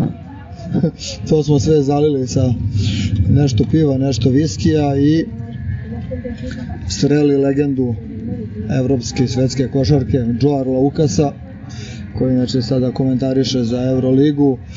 Pozdravili se sa njim ovaj, predstavili se kao navijači Partizana. On je odgovorio pa i ja sam navijač Partizana malo pročaskali sa njim, slikali se. Malo smo pričali sa nekim navijačima Reala tu smo s ljudima koji se baš lože na košarku i ono prate prilike i koji, koji žale što nemaju atmosferu kao što mi imamo u principu je njima futbal broj 1 i mnogo se više baca akcija na to dosta ljudi prati košarku ali po njihovim rečima to je dosta mlako to je to ukratko evo ako ikad si ima još nešto da dodaje ili da završi Pa ništa, u suštini Monda je rekao praktično sve. Sam meč ne bi se nešto posebno vraćao, ono, od prvog minuta se video da nema nikakve šanse na svetu. Toliko su bili inferiorni u svakom segmentu igre da ono, praktično bilo je bukvalno ono, odrađivanje sa strane Reala. A ako negde moralo se najebe, to je bilo potpuno okej da bude ovde baš. A što tiče grobara u Golubarniku, jesmo navijali, ali generalno je ta hala odvrtna uvek jer nas stave tamo u tri pičke materije gde ne, ne čujemo ni sebe ni ne vidimo ništa, ali dobro, sad to je tako je kako je prosto. Se tiče samih Madriđana, ono standardna publika, ono, simpatizerska, manje više neke dve ekipe koje nešto navijaju, ljudi koji povremeno prate i tako, ono, standardna, standardna atmosfera za rekao bih i NBA i Euroligu gde nema pasioniranih fanova kao što je naravno kod nas ili još par mesta. Mi se danas vraćamo nazad posle eto, 5 dana akcije kao neki saldo, jedna basket pobeda, jedan basket poraz i jedna futbolska pobeda da je neko u start ove saldo dupli da me ljubi odmah. Bez ikakve dileme. Tako da, eto, pozdravimo grobare sve i čujemo se nekog novog on the roada. Pozdrav!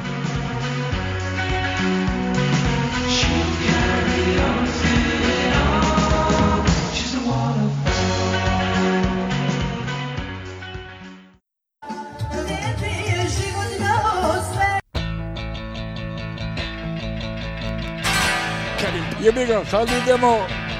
Punter. It's fucking do or die now. We can't be sad now. Punter. E tada se pali mišljenje. Kevin Punter. Oh, he's unconscious, Kevin Punter.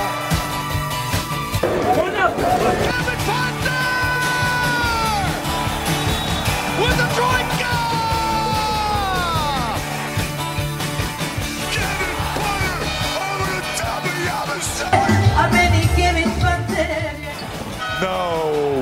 have it, please.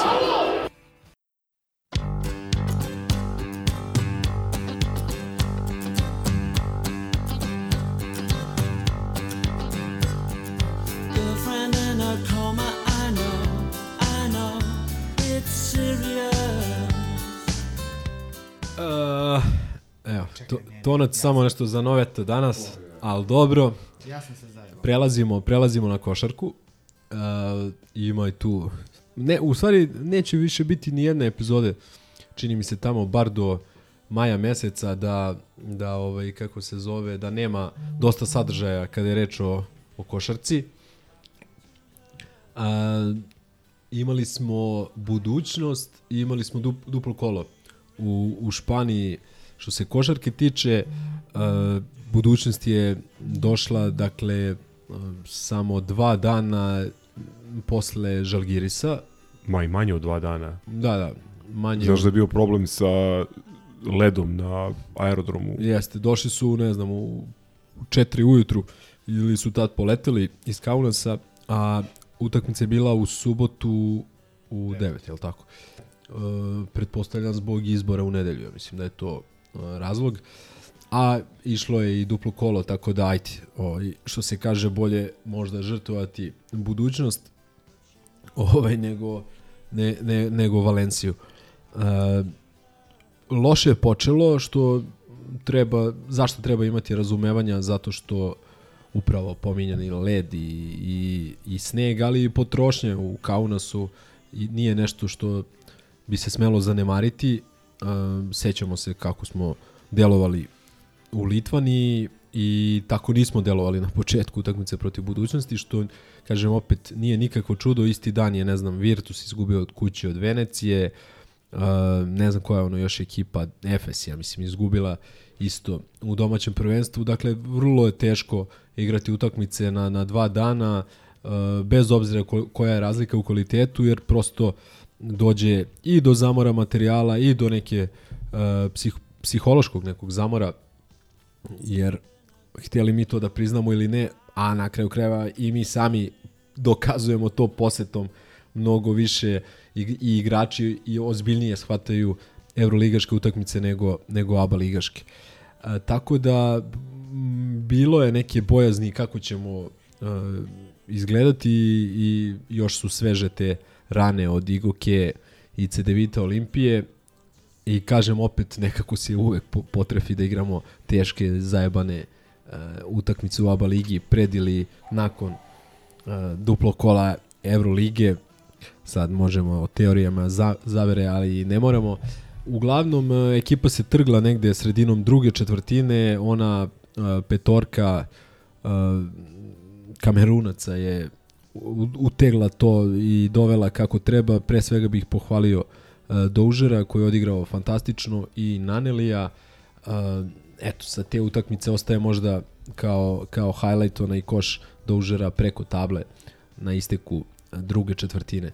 Dakle, uh, to je i naravno ono početak drugog polovremena kada je on igrao 1 na 1 i kada je pola budućnosti pokušalo da ga zaustavi u jednom trenutku niko nije uspeo zaista je nešto uživanje gledati Dužera kada mu se igra e, košarka a u poslednje vreme mu se igra sve češće Ovaj, I naravno najbitnije sa te utakmice je raspodela minutaže, uh, ona petorka sa Andjušićem, Jarem, Jaramazom, čini mi se Tristanom je uspela da uh, održava tu prednost u poslednjoj četvrtini preko 10 razlike konstantno nije padalo to ni u jednom momentu, tako da Željko je mogao da uh, rastereti ove nosioce i da im da koji minut više slobodno pred ovo duplo kolo i izletu u, u Španiji. Uh, ja sad stvarno ne znam da li, da li bilo još nekih tu, tu momenata. Recimo kad se pogleda statistika, uh, čini mi se upada u oči uh, naše nesuđeno pojačanje ovaj, Jogi Ferel, koji je samo sekund bio najefikasniji igrač u budućnosti, znači 17 poena je dao čovek za 25 minuta, a sa njim na terenu budućnosti je imala minus 22.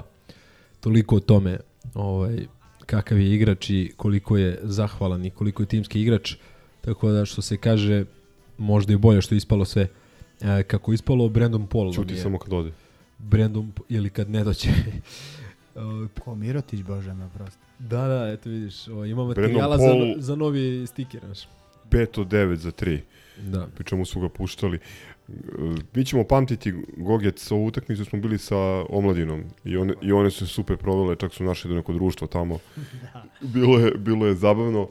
Uh, mada nije, nije palo slikanje sa Ledeom, ima dana za, za te stvari. Biće dana, naravno. Ja moram samo da kažem da sam se malo plašio ove utakmice i zbog naše potrošnje i zbog tog kratkog perioda između utakmice sa, sa Žalgiricom, odnosno sa manjkom vremena za pripremu i drugo, jer nama Žakeljeve ekipe ne leže, on je dobar trener, dobro vodi, dobro vodi utakmicu, dobro je vodio ekipe koje su realno dosta slabije od nas i toga sam se plašio, međutim moram kažem da je ova budućnost ono što je Dule svoje vremeno zvao uličnom bandom. E, ovo je bukvalno definicija ovaj, jedna, rekao bih, e, skupa skupa postava sa, ne znam, 7, 8, 9 stranaca, ali bez glave, tela i repa.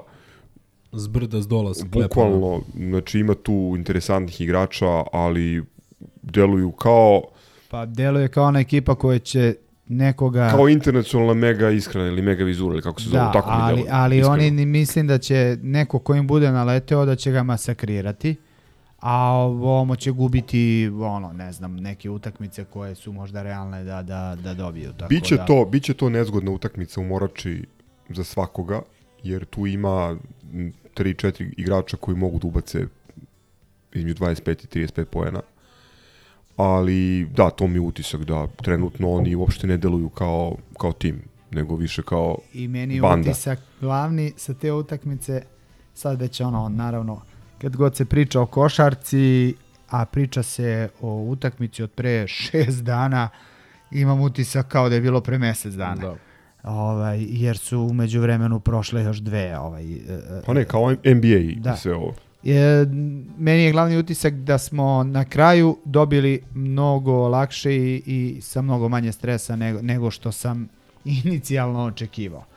Ovaj, nije bilo nekog Danila Nikolića i, ili, ili ovog Ivanovića i sličnih ovaj, specijalaca koji su ono pretplaćeni na, na 25 plus poena protiv nas. Ok, ovaj, E, Jogi Dušak je ovaj ubacio šta je ubacio, ali kao što reče ti malo pre ono bio je vrlo plus u našu korist timski, tako da da ovaj Kad se pogleda šira slika. Da, da, da, da, da. Ovaj sve u svemu meni ono što je isto jedan od utisaka da da se ekipa pogotovo u ABA ligi izgleda ovaj namestila i da su se kao što sam malo prehvalio uh, uh, futbalski klub i futbalski stručni štab koji je ovaj utegao ekipu gdje je bila najtanja, a to je kod kornera. Čini mi se da sad, ok, naravno da će biti i, i, i najpre zbog Evroligije i usled velike potrošnje loših izdanja, ali, ali ne deluje da, da ćemo u skorije vreme protiv ovih uslovno rečeno, mada to budućnost nije. Baksuzirati sad ide Pa Zadar, dobro, ne, ne, ne. Puna, puna dvorana, naš. Da, dobro, ali- Posle duplog kola.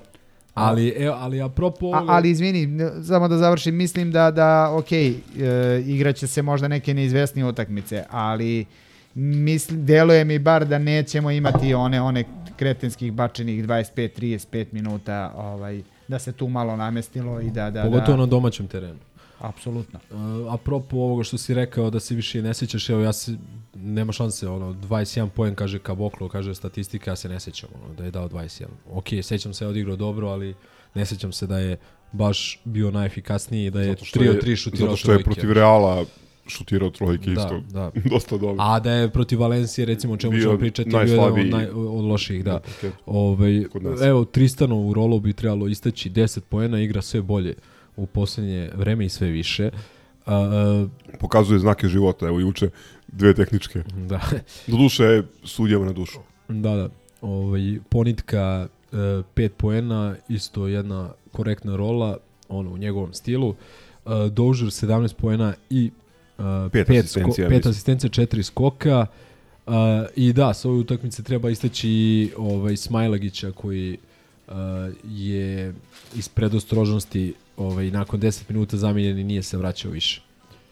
Uh, tako da to je to što se kaže profesionalno odrađena utakmica koja je u prošlosti znala da nam bude jako problematična i ovaj i ono u do, dobrom ritmu smo se spremili za put u Španiju. A, Da pitamo crka, hoćeš da pustiš gastronomski vodič? Pustio si već. Dobro. Ovaj, samo bih ja isto dodao i pohvalio posetu s obzirom da je bila ok vikend, ali je bio onaj popularni portugalski termin ovaj, koji nije baš onako kids friendly varijanta, uh, a opet je bio ovaj, besplatan ulaz na nivo 400 za školarce i opet kažem termin nije bio toliko popularan za neku možda malo mlađu decu, ali opet ovaj, e, dosta dobra poseta s obzirom na, na, na, Da, na, da. na, na tempo, na, na količinu utakmica koja se igra. Vidi, niko se ne žali da im smeta. Evo, za Virtus, ja ne znam koliko ljudi me je zvalo. Uporedio bih ovo sa prošlosezonskom utakmicom protiv Olimpijakosa. Znači, Pa čak i Panathinaikosa i ona poslednja... ne, ali Olimpijakos je bio, Olimpijakos i Real ovaj, Da. u regularnom toku, to, to su bile utakmice gde, što kaže Vili, zvali su ga ljudi koji ga nisu zvali od 2003. E, tako i mene, ono, od, evo sad, ne znam, od drugarice iz Londona koja dovodi sina, druga iz Beča, ovaj, nemam pojma, ono, Tetka iz Kanade. Moj čale ide isto. Ove, ne, ali stvarno, biće, ja, ja očekujem protiv Virtusa, jer dosta ljudi, stvarno ovaj, naši koji su, koji su preko dolaze na praznike i biće, ja mislim... Pa i Virtus i Asvel lepo se ja potre- mislim da će, da će za Virtus da bude ono, neslužbeni rekord, ajde tako da kažem. Vjerojatno će da prijavi 20.818, a očekujem da bude jedno 25.000 ljudi. Sudeći po tome koliko ljudi je zvalo i raspitivalo se za karte. Da, bez dileme. Ne. Ali opet s druge strane, ovaj, e, e, čuo sam što kažu iz dobro obaveštenih izvora da, iako o tome ne može da se čita u medijima, ali da klub onako plaća solidne kaznice i zbog onog stajanja na, na, na, na prolazima i slično. Sad, nadam se da nije tačno, ali po, po, po, po onom ko mi je rekao, mislim da jeste, tako da, da mo, možda, nadam se da neće, ali možda će ovaj, malo i povesti kao računa o tome, mada Ma ne, ne deluje da je, da je. Prvo, ne znam, nema tu onog Farea ili kako se zove, ono... S te strane ne, ali... ali, ali mislim, ono, umesto da oni plaćaju nama, što, što ih reklamiramo i što je, znači, to je, to je idiotizam. Uh, preselili smo se u Španiju, ovi 20 stepeni, Sunčana Valencija. sunčana Valencija, štiklice, Štiklice. I sve što ide uz to, ovaj, ali uh, koliko je, nisam bio, ali kažu koliko je lep grad i koliko je lepo vreme, toliko nije bila lepa utakmica. Ona je bila jedna prava ratnička, ono, košarka, uh, puno nervoze, puno grešaka, izgubljenih lopti, uh, loših sudijskih odluka. Samo reci Alex Mumbru. Da, da, mislim, ponašanje odvratne one španske publike, onog, eh, kako se zove, eh, ne znam, onih iza, iza klupe, 65 godina proseku, ja mislim ima onaj, njihov, kako se zove, premium ili superior, ovaj, skače na svaku uh, moguću i nemoguću sudijsku odluku. Dakle, jedna utakmica koja nije bila za uživanje, ali je naravno uživanje e, nam je usledilo posle utakmice kada smo uspeli da, da, da što, se, što kažu novinari, slomimo otpor žilave Valencije. E, 72-67 e, dali smo 72 poena, čini mi se Monaku u regularnom de, e, toku utakmice i to je to, to je to su naše naj najslabije napadačke odigrane utakmice ove sezone i uspeli smo da dobijemo obe što je jedan uh, lep znak ovaj da ova ekipa može da dobija na različite načine može da dobija različite tipove tipove utakmica. Valencija ima uh, čini mi se drugu najbolju odbranu Evrolige posle Real Madrida, mi smo drugi najbolji napad i uh, kad se pogleda ovaj rezultat i kad se pogleda kako je tekla utakmica, ona je više išla na njihovu vodenicu u smislu onoga kako oni obično igraju i u kakvim se tipovima utakmice oni osjećaju komfortno. Ali s druge strane, Partizan je u vođstvu bio, neko je na ovoj našoj grupi izvadio podatak 37,5 minuta. ili da. 35,5 minuta.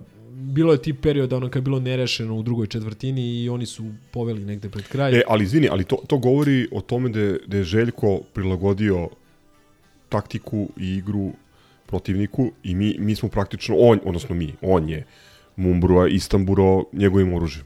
Da, ali e, ne samo igru, nego i minutažu. Evo recimo Željko je bacio, što se kaže, karte na ovu utakmicu ako gledamo minutažu ili je u toku utakmice predosetio e, da smo blizu pobede i prosto ta e, taj neki naš ovaj ta neka naša osovina ekipe naravno James, Kevin, Zek, pa ajde i PJ, mada je on igrao nešto, nešto manje, ali ovaj, oni su igrali u dobrom delu drugog poluvremena i onako baš su fajterski pristupili od prvog onog momenta kad je, kad je Panter recimo izašao, promašio ono bacanje za tehničku Mumbrua i posle toga odmah je ukrao loptu, odigrao nekoliko dobrih odbrana, tu su ga pratili ostali Ledeji koji je odigrao fantastično drugo poluvreme, bez greške. Uh, Naneli. ovaj, Naneli koji je, eto, po ko zna koji put, kada je najpotrebnije, tu je on, pojavi se, pogodi trojku, pogodi tešku dvojku, sad smo videli tu ukradenu loptu, ovaj, uh, ja bih istakao i Dožera sa Da, da. pre svega dve odbrane, one u, u poslednjoj četvrtini, ono prvo kad je I one se, dve duge Davisu- dvojke. Davisu ukrao loptu, dve duge dvojke i uh, odbrana na uh, plus 4, znači uh, to je neposredno pre te ukradene lopte, uh, odnosno presečene lopte Nanelija, uh, četiri razlike za nas, da li je bio time out ili sad se više ne sećam, uglavnom bila je akcija za Robertsona gde on istrčava iz bloka uh, i bila je ideja da on šutne brzu trojku, on je igrao dobru utakmicu, ali Dozier ne, znači kakvu odbranu čovjek odigrao kroz taj blok, razbio je taj blok kao da ga nema i tu je propala ta njihova osnovna zamisao, posle išao repik, a, tu je Smajlagić preuzeo, Smajlagić odigrao odličnu odbranu baš na, na njemu i onda išao taj pas koji je a, Naneli presekao, položio u kontri i tu je bio već ono kraj utakmice. A, ima dosta pozitivnog i ono što kažem opet može najviše od svega da, da raduje da Partizan nije odigrao za svoje standarde uh, dobru utakmicu ili fantastičnu utakmicu, ali, ali je tako smireno i rutinski delovao na terenu u ve, velikoj, velikoj većini, odnosno u, u većem delu utakmice, da je to nešto što, što ohrabruje. Ne znam s kojom bi utakmicom to poredio prošle sezone. Kaunas. Pa kao nas smo igrali, mislim da smo bili malo raspoloženiji napadački. Da, ali ti je pa Petru bio glavni igrač. Pa, da, pa okej, ajde, može, možda da, ali nekako tu smo bili još nekako, raspo... ovde smo na Men- odbranu dobili i na, i, na, i na muda. Bih, u kom smislu bih poredio? Prvo, zato što si e, ti tu, tada prvi put dobio Žalgiris na strani, ovo je prva pobjeda naša nad Valencijom i drugo, i tu si isto imao neku vrstu šahovske partije između Obradovića i Maskvitisa, odnosno sada, sada Mumbrua, s tim što, mm, ajde da budemo fair, odnosno da ne budemo nefer prema Litvancima, e, oni, oni su daleko ozbiljnija e, košarkaška publika, o, ovo u Valenciji je jedna katastrofa. Mislim, ja kapiram da je... Kanalizacija. Da je, da je to uh, odraz činjenice da je košarka porodični sport u, u, u Španiji, osim u par gradova koji su košarkaški, to je da je to u suštini zabava za, za porodicu, ali ona je katastrofa. Znači, on, ona, ona vrsta konstantnog pritiska. Ove, onda i neki igrači ove, njihovi su po meni Branko, Ara- Arestegi Arestegi pre pre svega. svih, znači to je Branko Lazić ovaj, uh, preušen, ali hoću da kažem da je um, meni, da upravo to, činjenica smo prvi put pobedili Valenciju, da smo u takvim uslovima dobili utakmicu, da smo ih pobedili njihovim oružjem, bez dramatičnog uh, ofanzivnog učinka naših ključnih igrača uh, i možda će zvučiti smešno u, kontekstu toga da nas je Real zaista počistio, ali samopouzdanje sa kojim naneli i Dožer pre svih igraju, uh, to je nešto što uh, daje energiju odnosno emituje energiju šampionskog tima. I, I mi delujemo kao ekipa koja može da napravi velike stvari. Hoću da istaknem samo za kraj um, samo e, Smilija, dva detalja, ona jako bitna trojka, e, koju on, vidim, pokušava sad kao da, da umanji da kaže kao to bi svako pogodio, ali nije bitna Ma, de, svako. trojka u trenutku iz, u, u trenutku kome je pogođena iz ugla i nakon onakvog napada. Znači, onaj ekstra pas Jest, dva fant, puta. fantastično. I dobio loptu gde baš nije mogao bolje, da li Andjušić, ko je bacio pas? O, mislim da. Da. da, da nije mogao bolje da mu baci pas. To je jedna stvar i mislim da je to ono Željkova filozofija u, u napadu i druga stvar um, njegova rampa ovaj, na Tureu gde je Da. stigao bukvalno da ga zalepi Koji nam je najviše problema zadavao. ali uh, hoću, hoću da se fokusiram na kratko kako je samo, dotrčao. bukvalno samo na, na, na, na, na, na tu akciju odnosno na tu odbranu on je uh, izašao, znači bio je neki pik napred i on je pokušavao da blokira, čini mi se, ovog Jamajčanina. E, lopta je došla do Turea ispod koša koji je pivotirao kao na kucanje, on ga je stigao u četiri koraka sa trojke i zalepio ga je. Savršen tajming, savršena odbrana, e, ono, odbrana koša, to je to.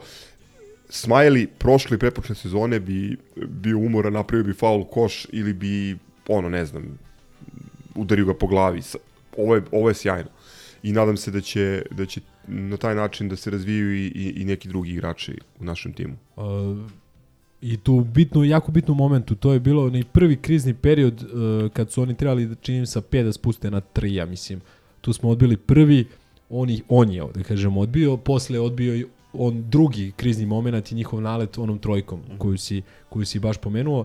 Uh, što se Dožara tiče, nije bila dobra utakmica za njegove standarde u poslednje vreme, na koje nas je navikao. Ponovo je ušao rano u problem sa ličnim greškama koji ga je opterećivao ovaj, na početku sezone i jednostavno on mora da pronađe način da uh, kada ne uđe najbolje u utakmicu uh, da se izdigne tokom uh, iste. On to jeste uradio u četvrtoj čet- četvrtini i malo je čudila ona odluka Željka da recimo njega zameni sa Andjušićem i da Kaminskog vrati. Uh, Kaboklo recimo ovo je najlošija verovatno utakmica od kad je uh, došao, pritom ni, nije to bilo ni malo loše u smislu katastrofalno. Evo gledam 7 poe, 7 poena za, za 12 minuta ovaj, i sa njim smo bili plus 7 a, na terenu, dakle ni malo loše, ali opet kažem upoređ, upoređujući sa onim na što nas je sad već navikao, to nije bilo dobro, on je šutnuo one dve trojke koje nije baš morao da šutne i tu se vraćamo na tu Željkovu filozofiju pasa više i čekanja najboljeg najbolje moguće pozicije za šut. On je malo i, i a, izleteo iz, iz, iz tih nekih akcija i ja ne znam sada, ali vrlo moguće da je ovo bila neka vrsta uh, disciplinske kazne Željkove. Uh, međutim, u malo da nam se obije to sa, sa onom, onim drugim uh, boravkom Kaminskog na terenu i onda dolazimo do povratka Smajlagića uh, na teren gde, gde se opet vraća ta naša neka agresivnost u odbrani uh, na kraju krajeva i odbrana na, na samom obruču. Istako bi ponitku isto, ovaj, odigrao je nekoliko jako dobrih odbrana u četvrtoj četvrtini, uh, nešto je uspeo da odbrani, nešto nije, ali to što nije odbranio, to je ono težak šut su dali preko njega, znači ništa on tu loše nije, nije ovaj čovek učinio.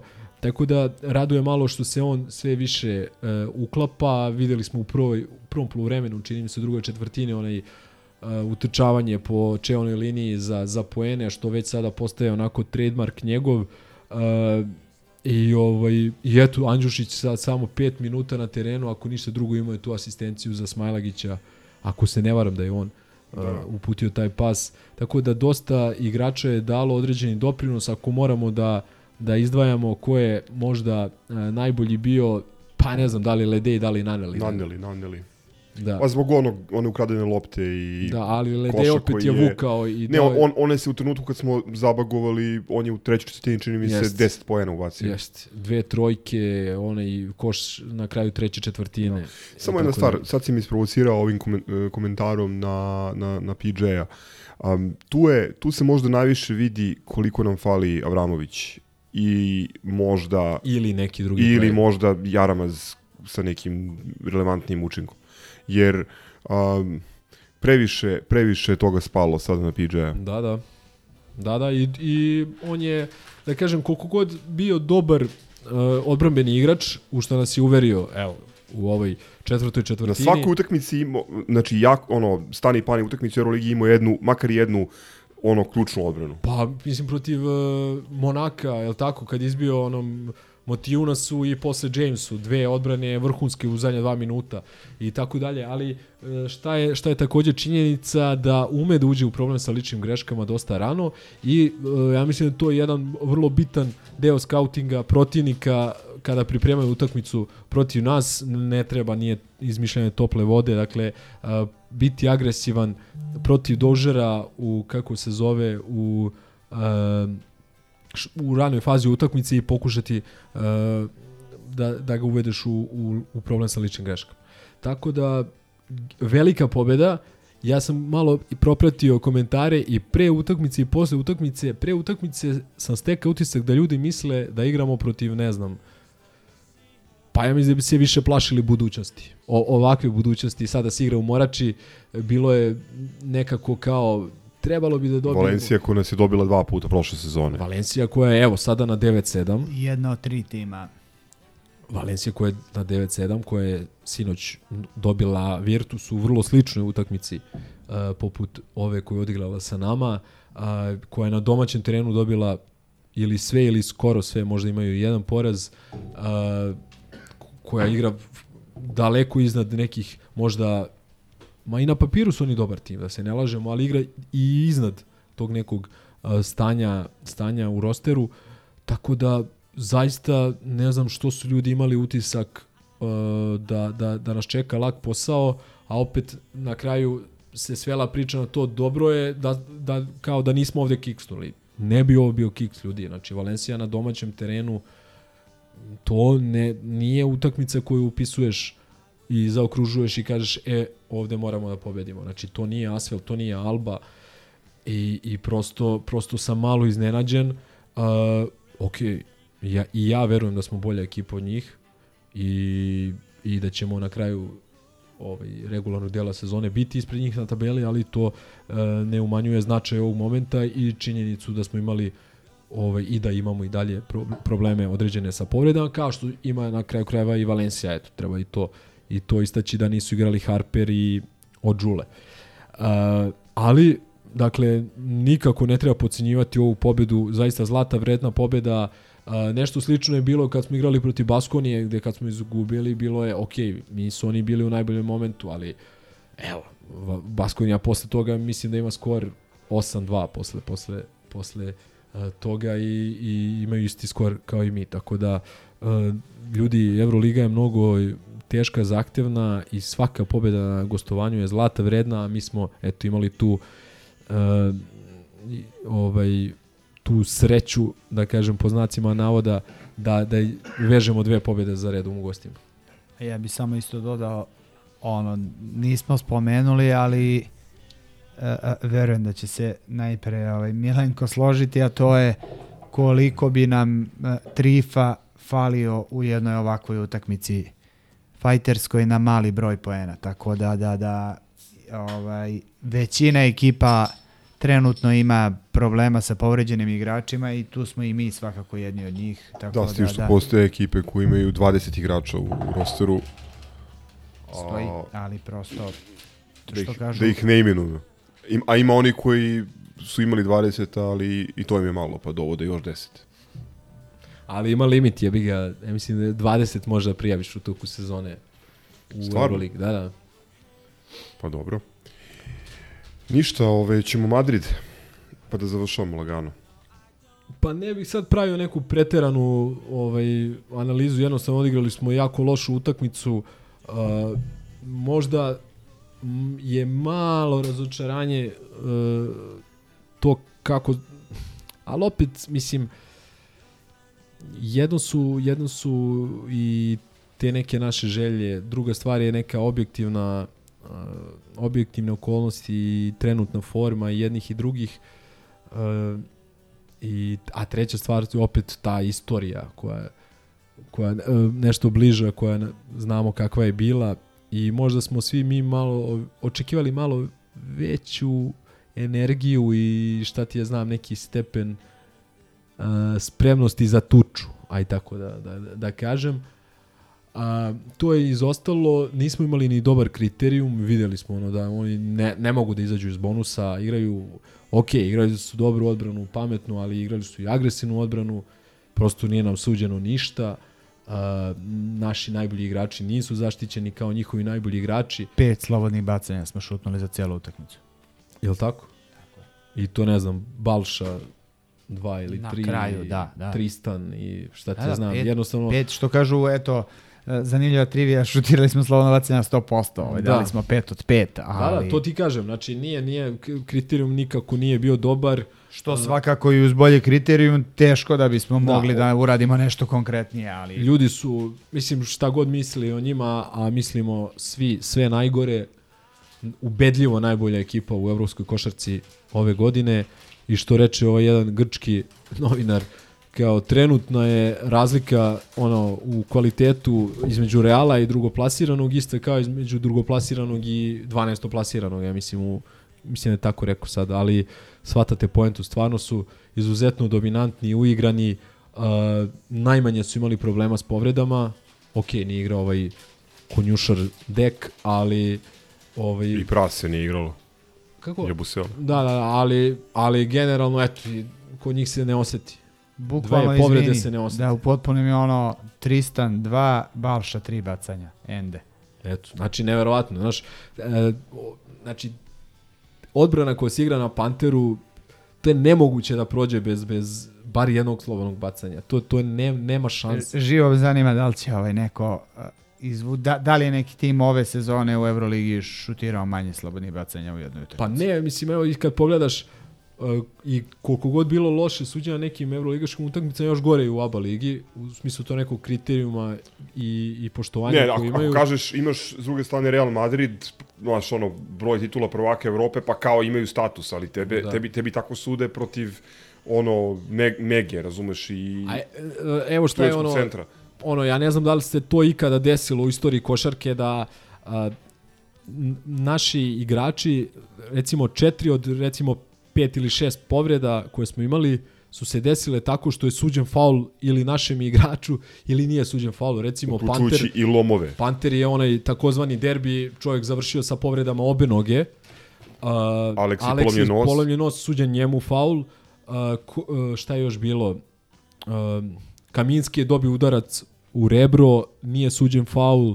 Čovjek, čovjek, znači imao je ono naprsnuće rebra ili šta je već, ono nekog mišića uh, ispod rebra ili između rebara, nemam pojma. Nije dobio slobodno bacanja. Uh, koja još povreda je bila? Ajde, ponitka ovo protiv Fuenlabrade, Trifa, Smiley. Smiley. Ne, još jedan je bio isto bukvalno povreda nosa, a suđen faul njemu, ne mogu se setim ko je, ko je to bio. Znači, neverovatno, prosto kriterijum je katastrofa, ali, ali da se da to stavimo po strani, jednostavno loša utakmica Partizana protiv najdominantnije trenutno ekipe u evropskoj košarci i ne samo ove godine, nego najbolje ekip, ekipe koja je igrala najbolju košarku unazad 4-5 godina, možda od onog Gefesa od pre recimo 3-4 godine, ajde da kažem, niko nije izgledao dominantnije na terenu od ovog Real Madrida, tako da ne treba praviti preveliku dramu. Otišli smo po jednu pobedu, vratili se sa jednom povredom, vratili se bez povreda, što je najbitnije. I ovaj setite se da smo prošle godine sa te duplog španskog kola vratili sa povredom uh, Smajlagića. Smajlagiću puko, pukotativa na prstu i imali smo još jednu. Balša se povredio malo pre toga, čini mi se i tako da nije ni bitno. Uglavnom, sve ok, idemo dalje, jako bitna utakmica protiv Virtusa, biće, kao što smo rekli, 25.000 ljudi, biće verovatno i tenzije, malo i nervoze, ali ajde da, da poguramo ekipu, da, da to ide u pravom smeru ovaj, i stojimo fantastično na tabeli, nema ni jednog razloga za, za brigu i za paniku. Ne, samo bi se jednu rečenicu rekao, to je ako smo trebali da imamo lošu utakmicu, to jest ako smo morali da imamo lošu utakmicu, ovaj, onda bolje da to bude protiv ovakvog Reala, da se ispucamo tamo da... Pa ne, nego, ok, ali, ali prosto m, znatno je bolje kad utakmici gde bi realno i sa našom najboljom igrom ove sezone, pitanje je da li bi ovaj Ma- Real u ovom trenutku mogli da, da, da, da, da to je ugrozimo. i Željku bilo jasno, zato je na pola treće četvrtine povukao nosioce i pustio Balšu i Trisana dok nije isključen da, da igraju Jaramaza i, i tako dalje. Meni, mislim, slažem se s Milenkom, ovaj, ovde jedino ta neka dekoncentracija. Ti moraš kad igraš s Realom da budeš apsolutno na, na maksimumu.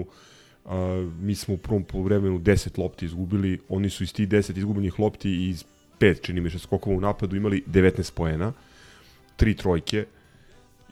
Ne pamtim da je neko, neko toliko kažnjavao ove, i tako ono brutalno nemilosrdno. Sjeti se samo ono 2 plus 1, pa Da. promaši bacanje, uhvati loptu, pa 2 plus 1. Da. Znači u jednom napadu primiš 5 poena. Jeste. A, ovo je za mene, ajde da, da, da rezimiram, ovo je za mene klasična utakmica pamti pa vrati. Imamo Larencakisa i ova goveda Kederska iz, iz Pireja, imamo ove šibicare koji su nam dužni po više osnova. Drago mi je što su igrači toga svesni. O, procure ovaj snimak gde Panter se javlja čak i ovaj sudi Lothar Mozeru, što je analogno recimo da je ugazio u govno svesno na sred ulice, ali neće se javi Serhiju Ljulju i što bi rekao Duško Vujošević, citiramo ga četvrti put u ovoj emisiji, treba negovati svoje mržnje. E, molim vas da negujete mržnje prema Serhiju Ljulju i ostatku ovaj frankističke I Čus Mateo bande. koji na 23 razlike traži, Traži challenge, da. E, bilo je puno tih simpatičnih momenta. E, Kozerova odbrana, mislim, generalno oni su igrali, videlo se da je njima stalo. Milenko u našoj današnjoj, e, našem današnjem ra- razgovoru, ove, odnosno analizi jutarnjoj, rekao da se ponašaju kao neko koji je nešto ukrao ili odžepario, pa se osjeća neprijatno i onda mora da e, iz te neke, neko osjećaja unutrašnjeg nemira i neprijatnosti mora da da se dokaže, da se pokaže sam sebi. E to je to vam je kraljevski klub Real Madrid što se mene tiče nula poštovanja imaju. I e, ajde, ovaj doći u arenu, tu da ih prebijemo, a onda u Berlinu da ih pobedimo.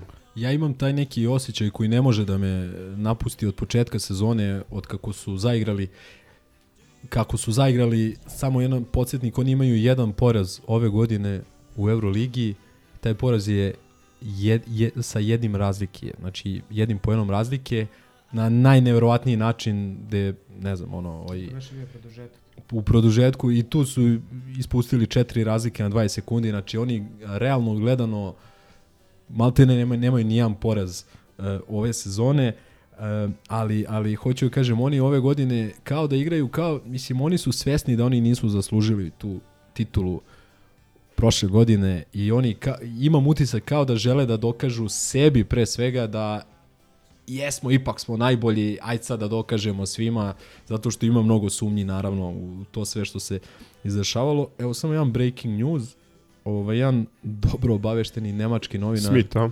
Da, kaže da će Smith... Hrvatski internacionalac, kažeš. Da, pa gde će nego kod nas, jebi ga.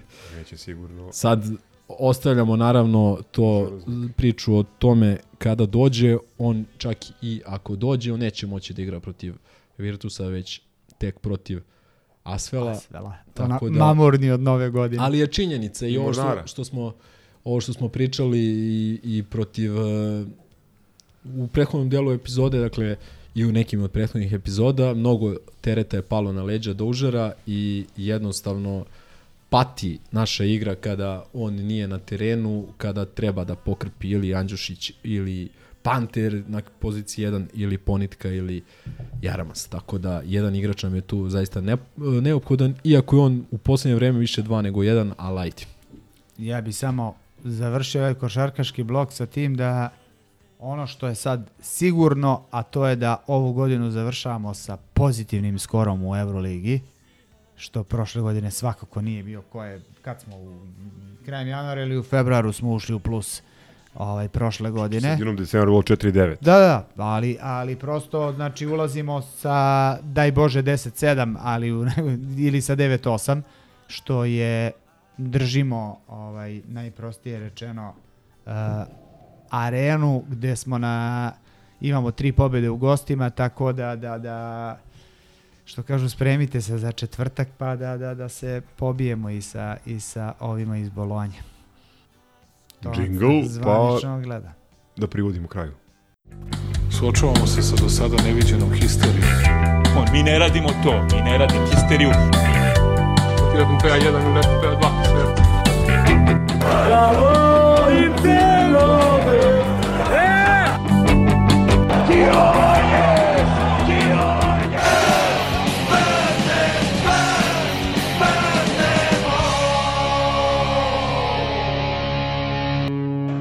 Fašizmu, živeo partizan.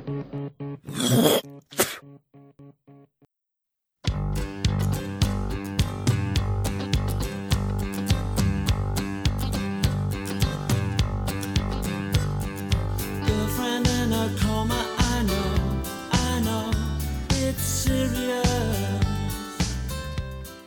Ok, odužila se epizoda, ne Mondovom i Karlovom krivicom, mi smo krivi, nas petorica. E, sada ćemo malo da, ubr da ubrzamo, Goran je u niskom startu, ali pre nego što mu dam reč i pre nego što krenemo sa a, vanrednim kolom e, Zlatne štoperice, e, ništa sporno ili ova podrubrika Fuck you referee. Um, šta je smešno? Kako nije fuck you? Kako šta je smešno? Nije bilo uh, puno ovaj, tu spornih situacija. Zapravo je interesantno da 171. derbi ulazi u istoriju kao prvi posle koga nije bilo kme kme saopštenja i zvaničnih pritužbi na suđenje. Dakle, desilo se nešto neverovatno. Ovo će biti prvi derbi gde je Zvezda Crvena pošteno poražena. Dobili su izbore, pa jebi ga. Ali ne, ako pitaš Anđus, Dobro, da, on je neki trbuhozborac. Zapravo ne znam u kojim je, u kojim je sad relacijama sa, sa Terzićem, ali zvanično iz njihovog kluba nije bilo pritužbe na suđenje, što je, što je čudesno i molim da se, da se zapamti a, 181. derbi i, i taj dan. Gorane, izvoli. Joj, pa ne znam odakle početi ovo. Euro ovo- News koji debituje u stalnim E rubrikama. da, ali čekaj sad, ajde, daj, daj pomaži. Da, da, ja hoću svakako Euronews, ovaj, e, e, e, e, ali, posvetom. ali, ali, ovaj, daj, pomozi mi, ne mogu da ga nađem, zato što stvarno ne znam da li je u, u 7-8 dana bilo toliko materijala, ovaj, prosto onaj, onaj screenshot je radio ovaj, na, na, na, na, na satnom nivou. Bilo je i puno utakmica, pa naš... Pa upravo to. Naš, ovaj, može se objasni. Ajde, ja ću. Ajde, sad ti kažem, pomaži. Ja ću, um, iz nekog potpuno bizarnog razloga, um, neverovatan uh, interes javnosti za čoveka koji se zove Chance Comanche. Ne znam da li znate ko je u pitanju. Ne. Milenko je izašao iz prostorije, tako da ovaj, je razumljivo da ne znate. To je neki američki košarkaš, bivši član razvojnog tima Sacramento Kingsa, koji je trebao da dođe ili nije trebalo da dođe, bio je na probi u vreme dok je Čanak bio naš trener. Elem, a, gospodin je zajedno sa svojom devojkom namamio neku nesrećnu ženu a, u automobil i zadavio je a, HDMI kablom. Milenko, ko je Chance Comanche? Pa to je onaj nesrećnik što je ubio ženu. Eto. Ali ne svoju. Nego E, sa svojom ženom i ubio drugu ženu. Čak, ni tu nije imao Kad, sreće kad da je mi kablo. se bar reši svoje žene. Elem, the plot thickens, što bi rekli.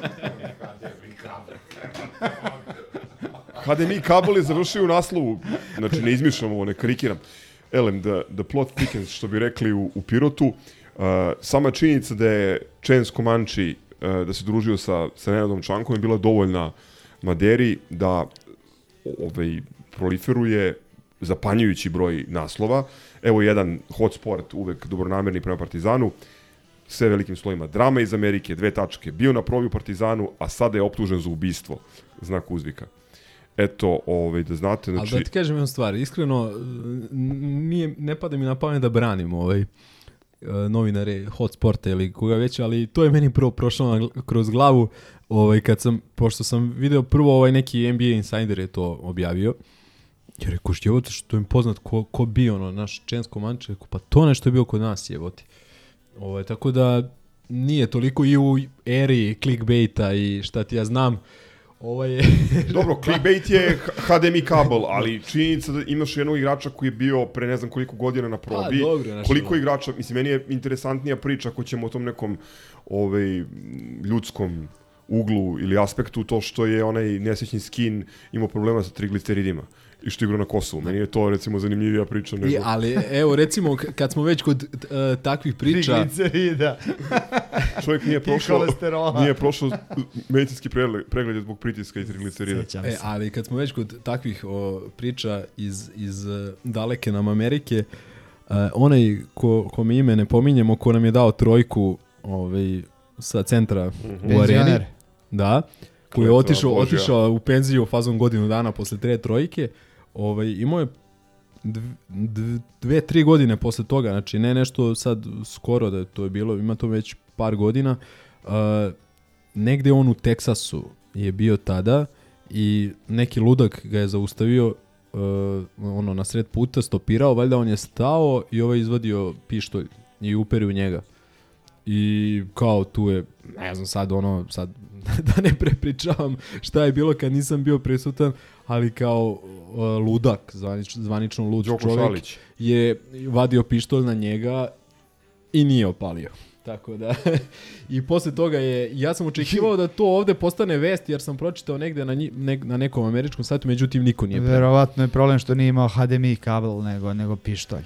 Ti, Gorane, uporno izbegavaš... Ne, ne, ne, ne, ne, Evo našao sam. Ne, ne, našao, naslov. ne, ne, ne, d- b- krenuo bih sa nečim drugim, da onda dolazimo do debitanta. A to je ovaj standardni član naše rubrike, a to je nova RSB, gdje je nakon utakmice u Kaunasu ovaj, e,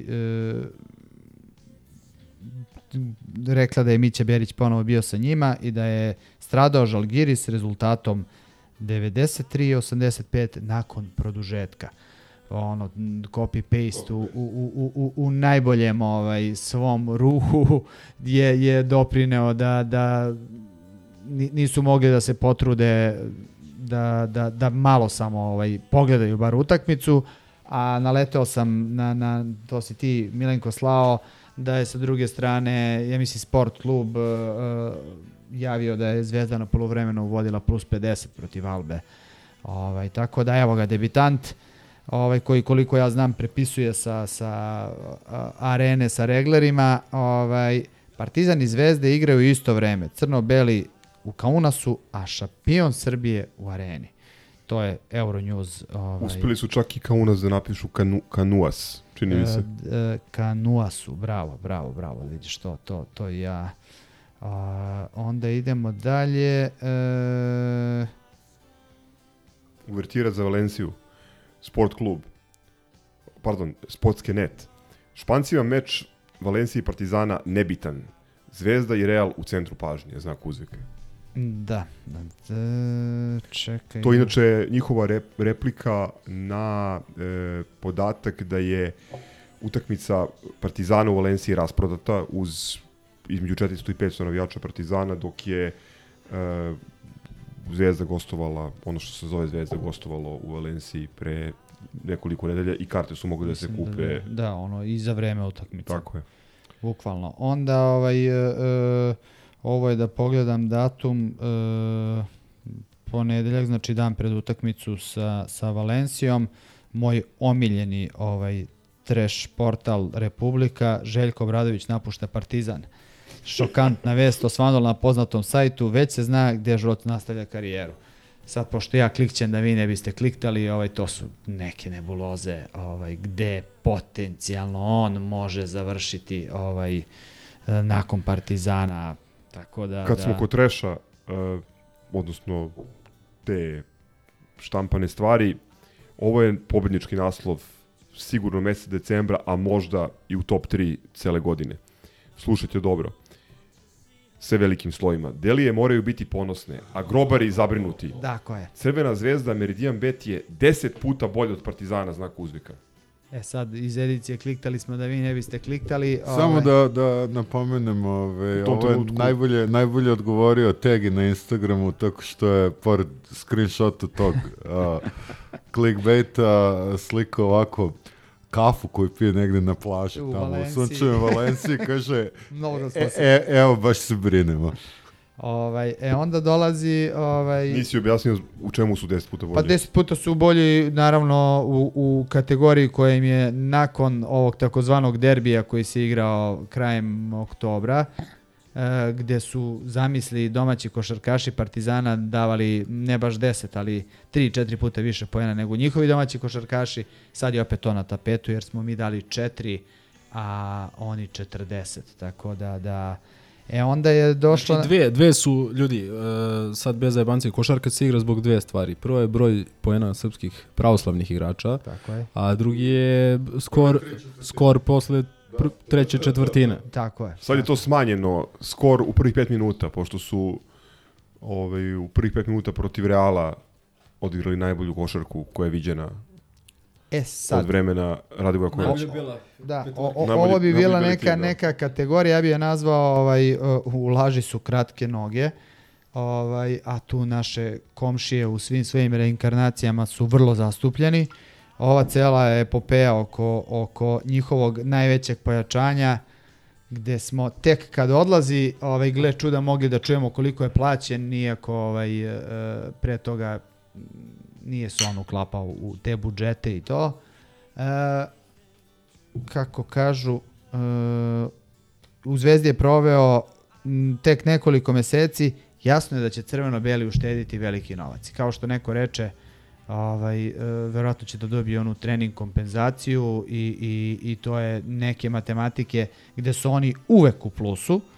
E, onda iz edicije ulaži su kratke noge imamo i, i to što čak i ovi portali koji su njima vrlo naklonjeni su pred utakmicu i za vreme utakmice objavljivali da je i čak kažu ljudi ko, koji su ih gledali da su prognozirali komentatori da ih ima 12 do 13 hiljada, oni su opet uredno prijavili da ih je 19.714 e, protiv Reala u areni, a dok je kurir ovaj, doček i snova za Kunda Kampaca, nevjerovatne emocije, 15.000 navijača njihovog heroja, evo šta je dobio na poklon. A kad smo već kod toga, na poklon je dobio, ovaj, nikome nije jasno zašto je dobio ikonu pravoslavnu i dobio je sebe u prirodnoj veličini ovaj, na kartonu. Onaj Garden Gnome.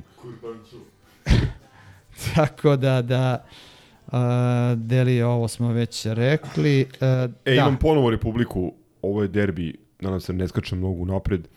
Uh, naslov uh, posle pobede Partizana, Var, Minaković i Partizan Da. presudili Zvezdi. Mijatoviću poništena dva gola, dva veliko. Kataj promašio velikim slojima Remi.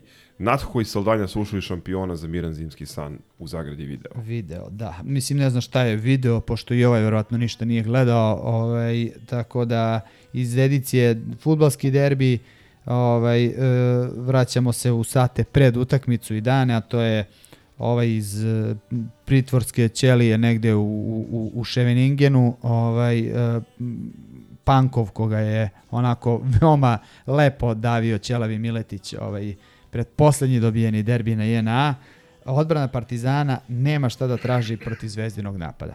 Ispostavilo se malo drugačije. E, onda ćemo se vratiti na one sad ne mogu da ih nađem, ali pošto sam to čuvao o, za, za nisam htio da šaljem pre utakmice, pa nema e, hronologije, ali e, najave e, najave ovog, htio reći Boačija, ali Kraljevo, Valjevo, ovaj Bukari, e, zaslužujemo da dobijemo 3-4-0, pa onaj e, neki veliko Srbin naturalizovani, šta je već, e, Australije. Naravno, jedan od onih velikih Srba koji nema srpski pasoš. Novozelanđanin. Stamenić, da.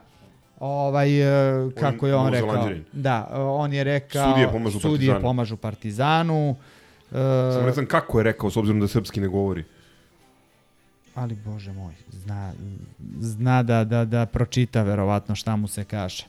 E, onda dolazimo do naše omiljene ovaj e, rubrike, a to je Clark Kent je ponovo ovaj sleteo na planetu Krypton, tako da da vraća se ova bunkeraška prevara trademark a, i, i naš omiljeni nadrogirani ovaj novinar Darijan Nedeljković e, briljira sa svojim naslovima. Pa on ga je nazvao Clarkom Kentom, Pa da. on je izmislio onu sintagmu bolesnu, banditski futbal. Evo, znači, na, na, nakon naslova Clark Kent e, dolazi da spase zvezdu, nakon samo jedno 15 minuta pedantni stručnjak je bacio kosku. E pa sad nadam se da će da baci i kašiku ovaj, e, e, e, sportski rečeno, a vjerujem da hoće. Pa dobro, ajde sada ne budemo toliko ovaj, e, e, prosto sportski nek baci kašiku i ubeđen sam da će baciti jer Bogu hvala ono, stalno me napadate ne baksuziraj, ali i on se Bogu hvala pokazao kao veoma veliki kompleksaš. Nije se pokazao sjajno ovaj, u utakmicama sa nama. E, onda dolazimo do toga, e, pošto su mnogo zaradili što je Napier se vratio u Milano, e, možete tek da zamislite koliko su zaradili što ih je Bahar napustio. Tako da, da ovaj, ali onda dođemo do, do, do onih situacija gdje domaći mediji prenose kako izraelski mediji objavili kolika je bila plata Bahara i njihovih saradnika. Ovo je njihova verzija raskida. Znači, to je čisto da se, da se naglasi da... Postoji da ciganska istina i, I da. i njihova Ne, verzija. To, Tako. to je njihova verzija uh, raskida, poznatije kao uh, ispravna verzija. Pa da, da, to je, to je iz onog foldera ovaj, e, e, Kolina iz radio emisije ovaj, i analiza suđenja na derbiju. Lars, tako da- Krist, kako se, Lars, Lars Christensen, nepostojeći portparol UEFA.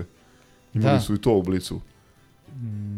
Bio je Kolina na radiju i taj neki portparol, portparol UEFA koji je osudio Partizan.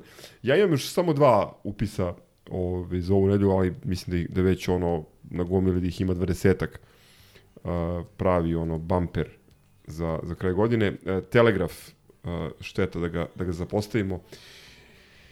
Naslov, ovo je hit, znak uzvika. Košarkaš Zvezde saznao da u Srbiji postoji grad koji se zove kao on, poduševio navijače. To je u vreme dok su bili u ljubavi sa Šabazom. Šabac, šabac, šabac, šabac da. Napier. A, ako niste znali, ovo je e, portal koji se lažno predstavlja kao B92 net. Utorak 19.12. E, slučajno na Svetog Nikolu, Kampato se vratio u Beograd, pokazao tri prsta, video. Evo, to vam je naslov. Moram pitam Jelenu, šta je tu vest? Pokojna 92. Evo, sagovornica se guši od smeha, pa ne može da objasni trenutno. O, ajde, možeš ti.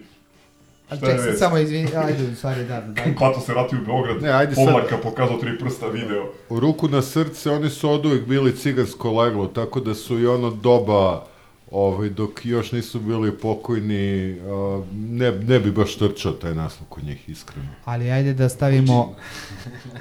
Da, pa ne, nema vesti, cela, poen, cela poenta je u naslovu, nakon toga nikakav tekst, čak ni video ne bi morao da stoji. Naslov je tu, Milenko je na to sa razlogom skrenuo pažnju pre jedno sat vremena ili koliko je, koliko je već bilo. Treba imati na umu da se uh, ovakvi naslovi plasiraju da i zbog toga što su srpski mediji ciganizovani, ali i zbog clickbaita, to je dva u jedan kao neka kafa na, na domaći način. E, dodao bih ovde debelog prasca koji je nažalost još uvek na čelu Partizana koji je e, dan nakon derbija nažalost izjavio bit ćemo još jači. Što znači da... I uterao nam svima strah u kosti. se. Tako je, plašite se jer afraid. prodaćemo sve. Uzgred, e, već su, već su se na nekim mestima pojavile vesti o interesovanjima za Saldanju, gledao sam dok smo, dok smo razgovarali. Naravno, nikad ne možemo da znamo imali u tome bilo kakve istine ili se opet samo privlače, privlače klikovi, ali da be afraid, be very afraid. A Onoga završio što nas čeka sa, sa, sa jednim naslovom gde se dosta ovaj, slažem po, Kurir Sport e, pod naslov Tvitovi E moj rodiću, sirovino jedna. Ja ne znam dokle više. Delije pa caps lokovano pobesnele, pa na jeziv način vređaju svoje futbalere. Mreže gore. Tako da, mislim da na Vilijevo ogromno zadovoljstvo. Za kraj pozdravi, evo ja ću krenem, uh, pozdrav za veterane Košarkaškog kluba Partizan, posebno za ljudskog maksimuma Sašu Pavlovića, pozdrav za Darija Srnu i pozdrav za omladince Partizana koji će u Ligi mladih u play-offu igrati protiv Brage. A moj pozdrav za Zrleta koji je posle više godina izvadio a, iz ormana prašnjevi šal i šajkapu i poveo juniora na ovo gostovanje u Španiju i tamo imao sreću ili nesreću da natrči na Monday doktora Ikca. Tako da, to, to nam je jedan od novih vernih slušalaca. Moram ja da dodam, umjesto pozdrava jedno objašnjenje, šta ćete, nismo histerični samo kada je reč o futbolu, imamo i drugih hister, hist, eh, interesovanja. Uh, figura koju sam upotrebio kada sam govorio o Belićevom izrazu lica nakon što je dobio napucanu loptu u facu, tehnički je bila sinekdoha, a ne metonimija. Sinekdoha je podvrsta metonimije, sinekdoha je kada se ovaj, detaljem obla, objašnjava celina, da mi Vili ne bi zamerio kada ovo bude preslušavao, dakle bila je a ne metonimija. Nema veze, trebalo je mi samo kažeš da isečem u, ome, u, u montaži. I ja se izvinjam, imamo ono bre breaking news, što bi rekli, a to je ovaj, ono što je Milenko malo pre ovaj, u košarkaškom delu najavio, portali su već počeli da prenose i malo pre spomenuti pokojni B92, Bog da mu dušu prosti, ovaj, sa veoma zanimljivim naslovom reprezentativac Hrvatske stiže u Partizan. Kako iznenađenje. Grobari su svi Hrvati. Apsolutno. Da li, da li u tekstu stoji da su i oni hteli da ga dovedu? Ovaj, e, ma, ne želim ono. Tako da uvešćemo rubriku kliktali smo da vi ne klikćete. Inače, evo, dopisujem se upravo sa Nevenom, koga naši slušalci, verujem, dobro poznaju, ovaj, kako se zove, i baš u vezi Smita se pitao mene kako je tvoje mišljenje njemu, džabu, nebitno. Kaže on, meni, on kaže, meni je bio drag dok nije počeo da igra za Hrvatsku. Pozdravi, Neven. Dobro, sad će vjerojatno da bude malo draži kad, kad počne da igra za Partizan. Ako počne da igra za Partizan. E, to je to valjda. Pozdravljamo sve koji su izdržali do, do, do, do ovog minuta ove ovaj, s, svadbarske atmosfere ovaj, u Histiju za kraj godine, tako da ako se ne čujemo ovaj, u ovoj godini ovaj, Vidimo se u areni u četvrtak. vidimo se u areni i da se otreznite do drugog kad se opet vidimo u areni. Ništa ljudi, stvarno, uh, kao što Gogec kaže, ako se ne čujemo, želimo vam stvarno sve najlepše vama i vašim porodicama. Hvala što nas slušate, hvala što nas pratite, a nadam se da će naredna godina biti uh, barem kao i ova što se tiče Partizana, što da ne bude i malo, malo uspešnije. Za početak 10-7, a posle ćemo lagano. Ćao. Zdravo, grovari. Ćao.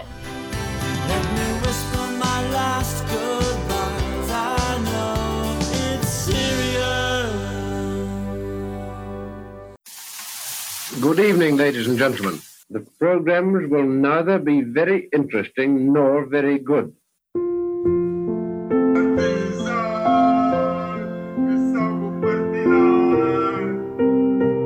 Ovo vikanje, ovo urlanje, Od dva sluga ne ekipa.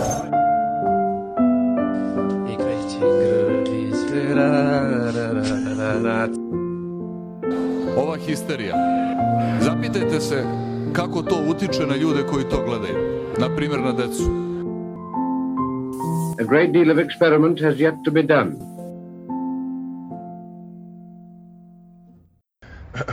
Ciao, brate. Salim ti prijetna dan.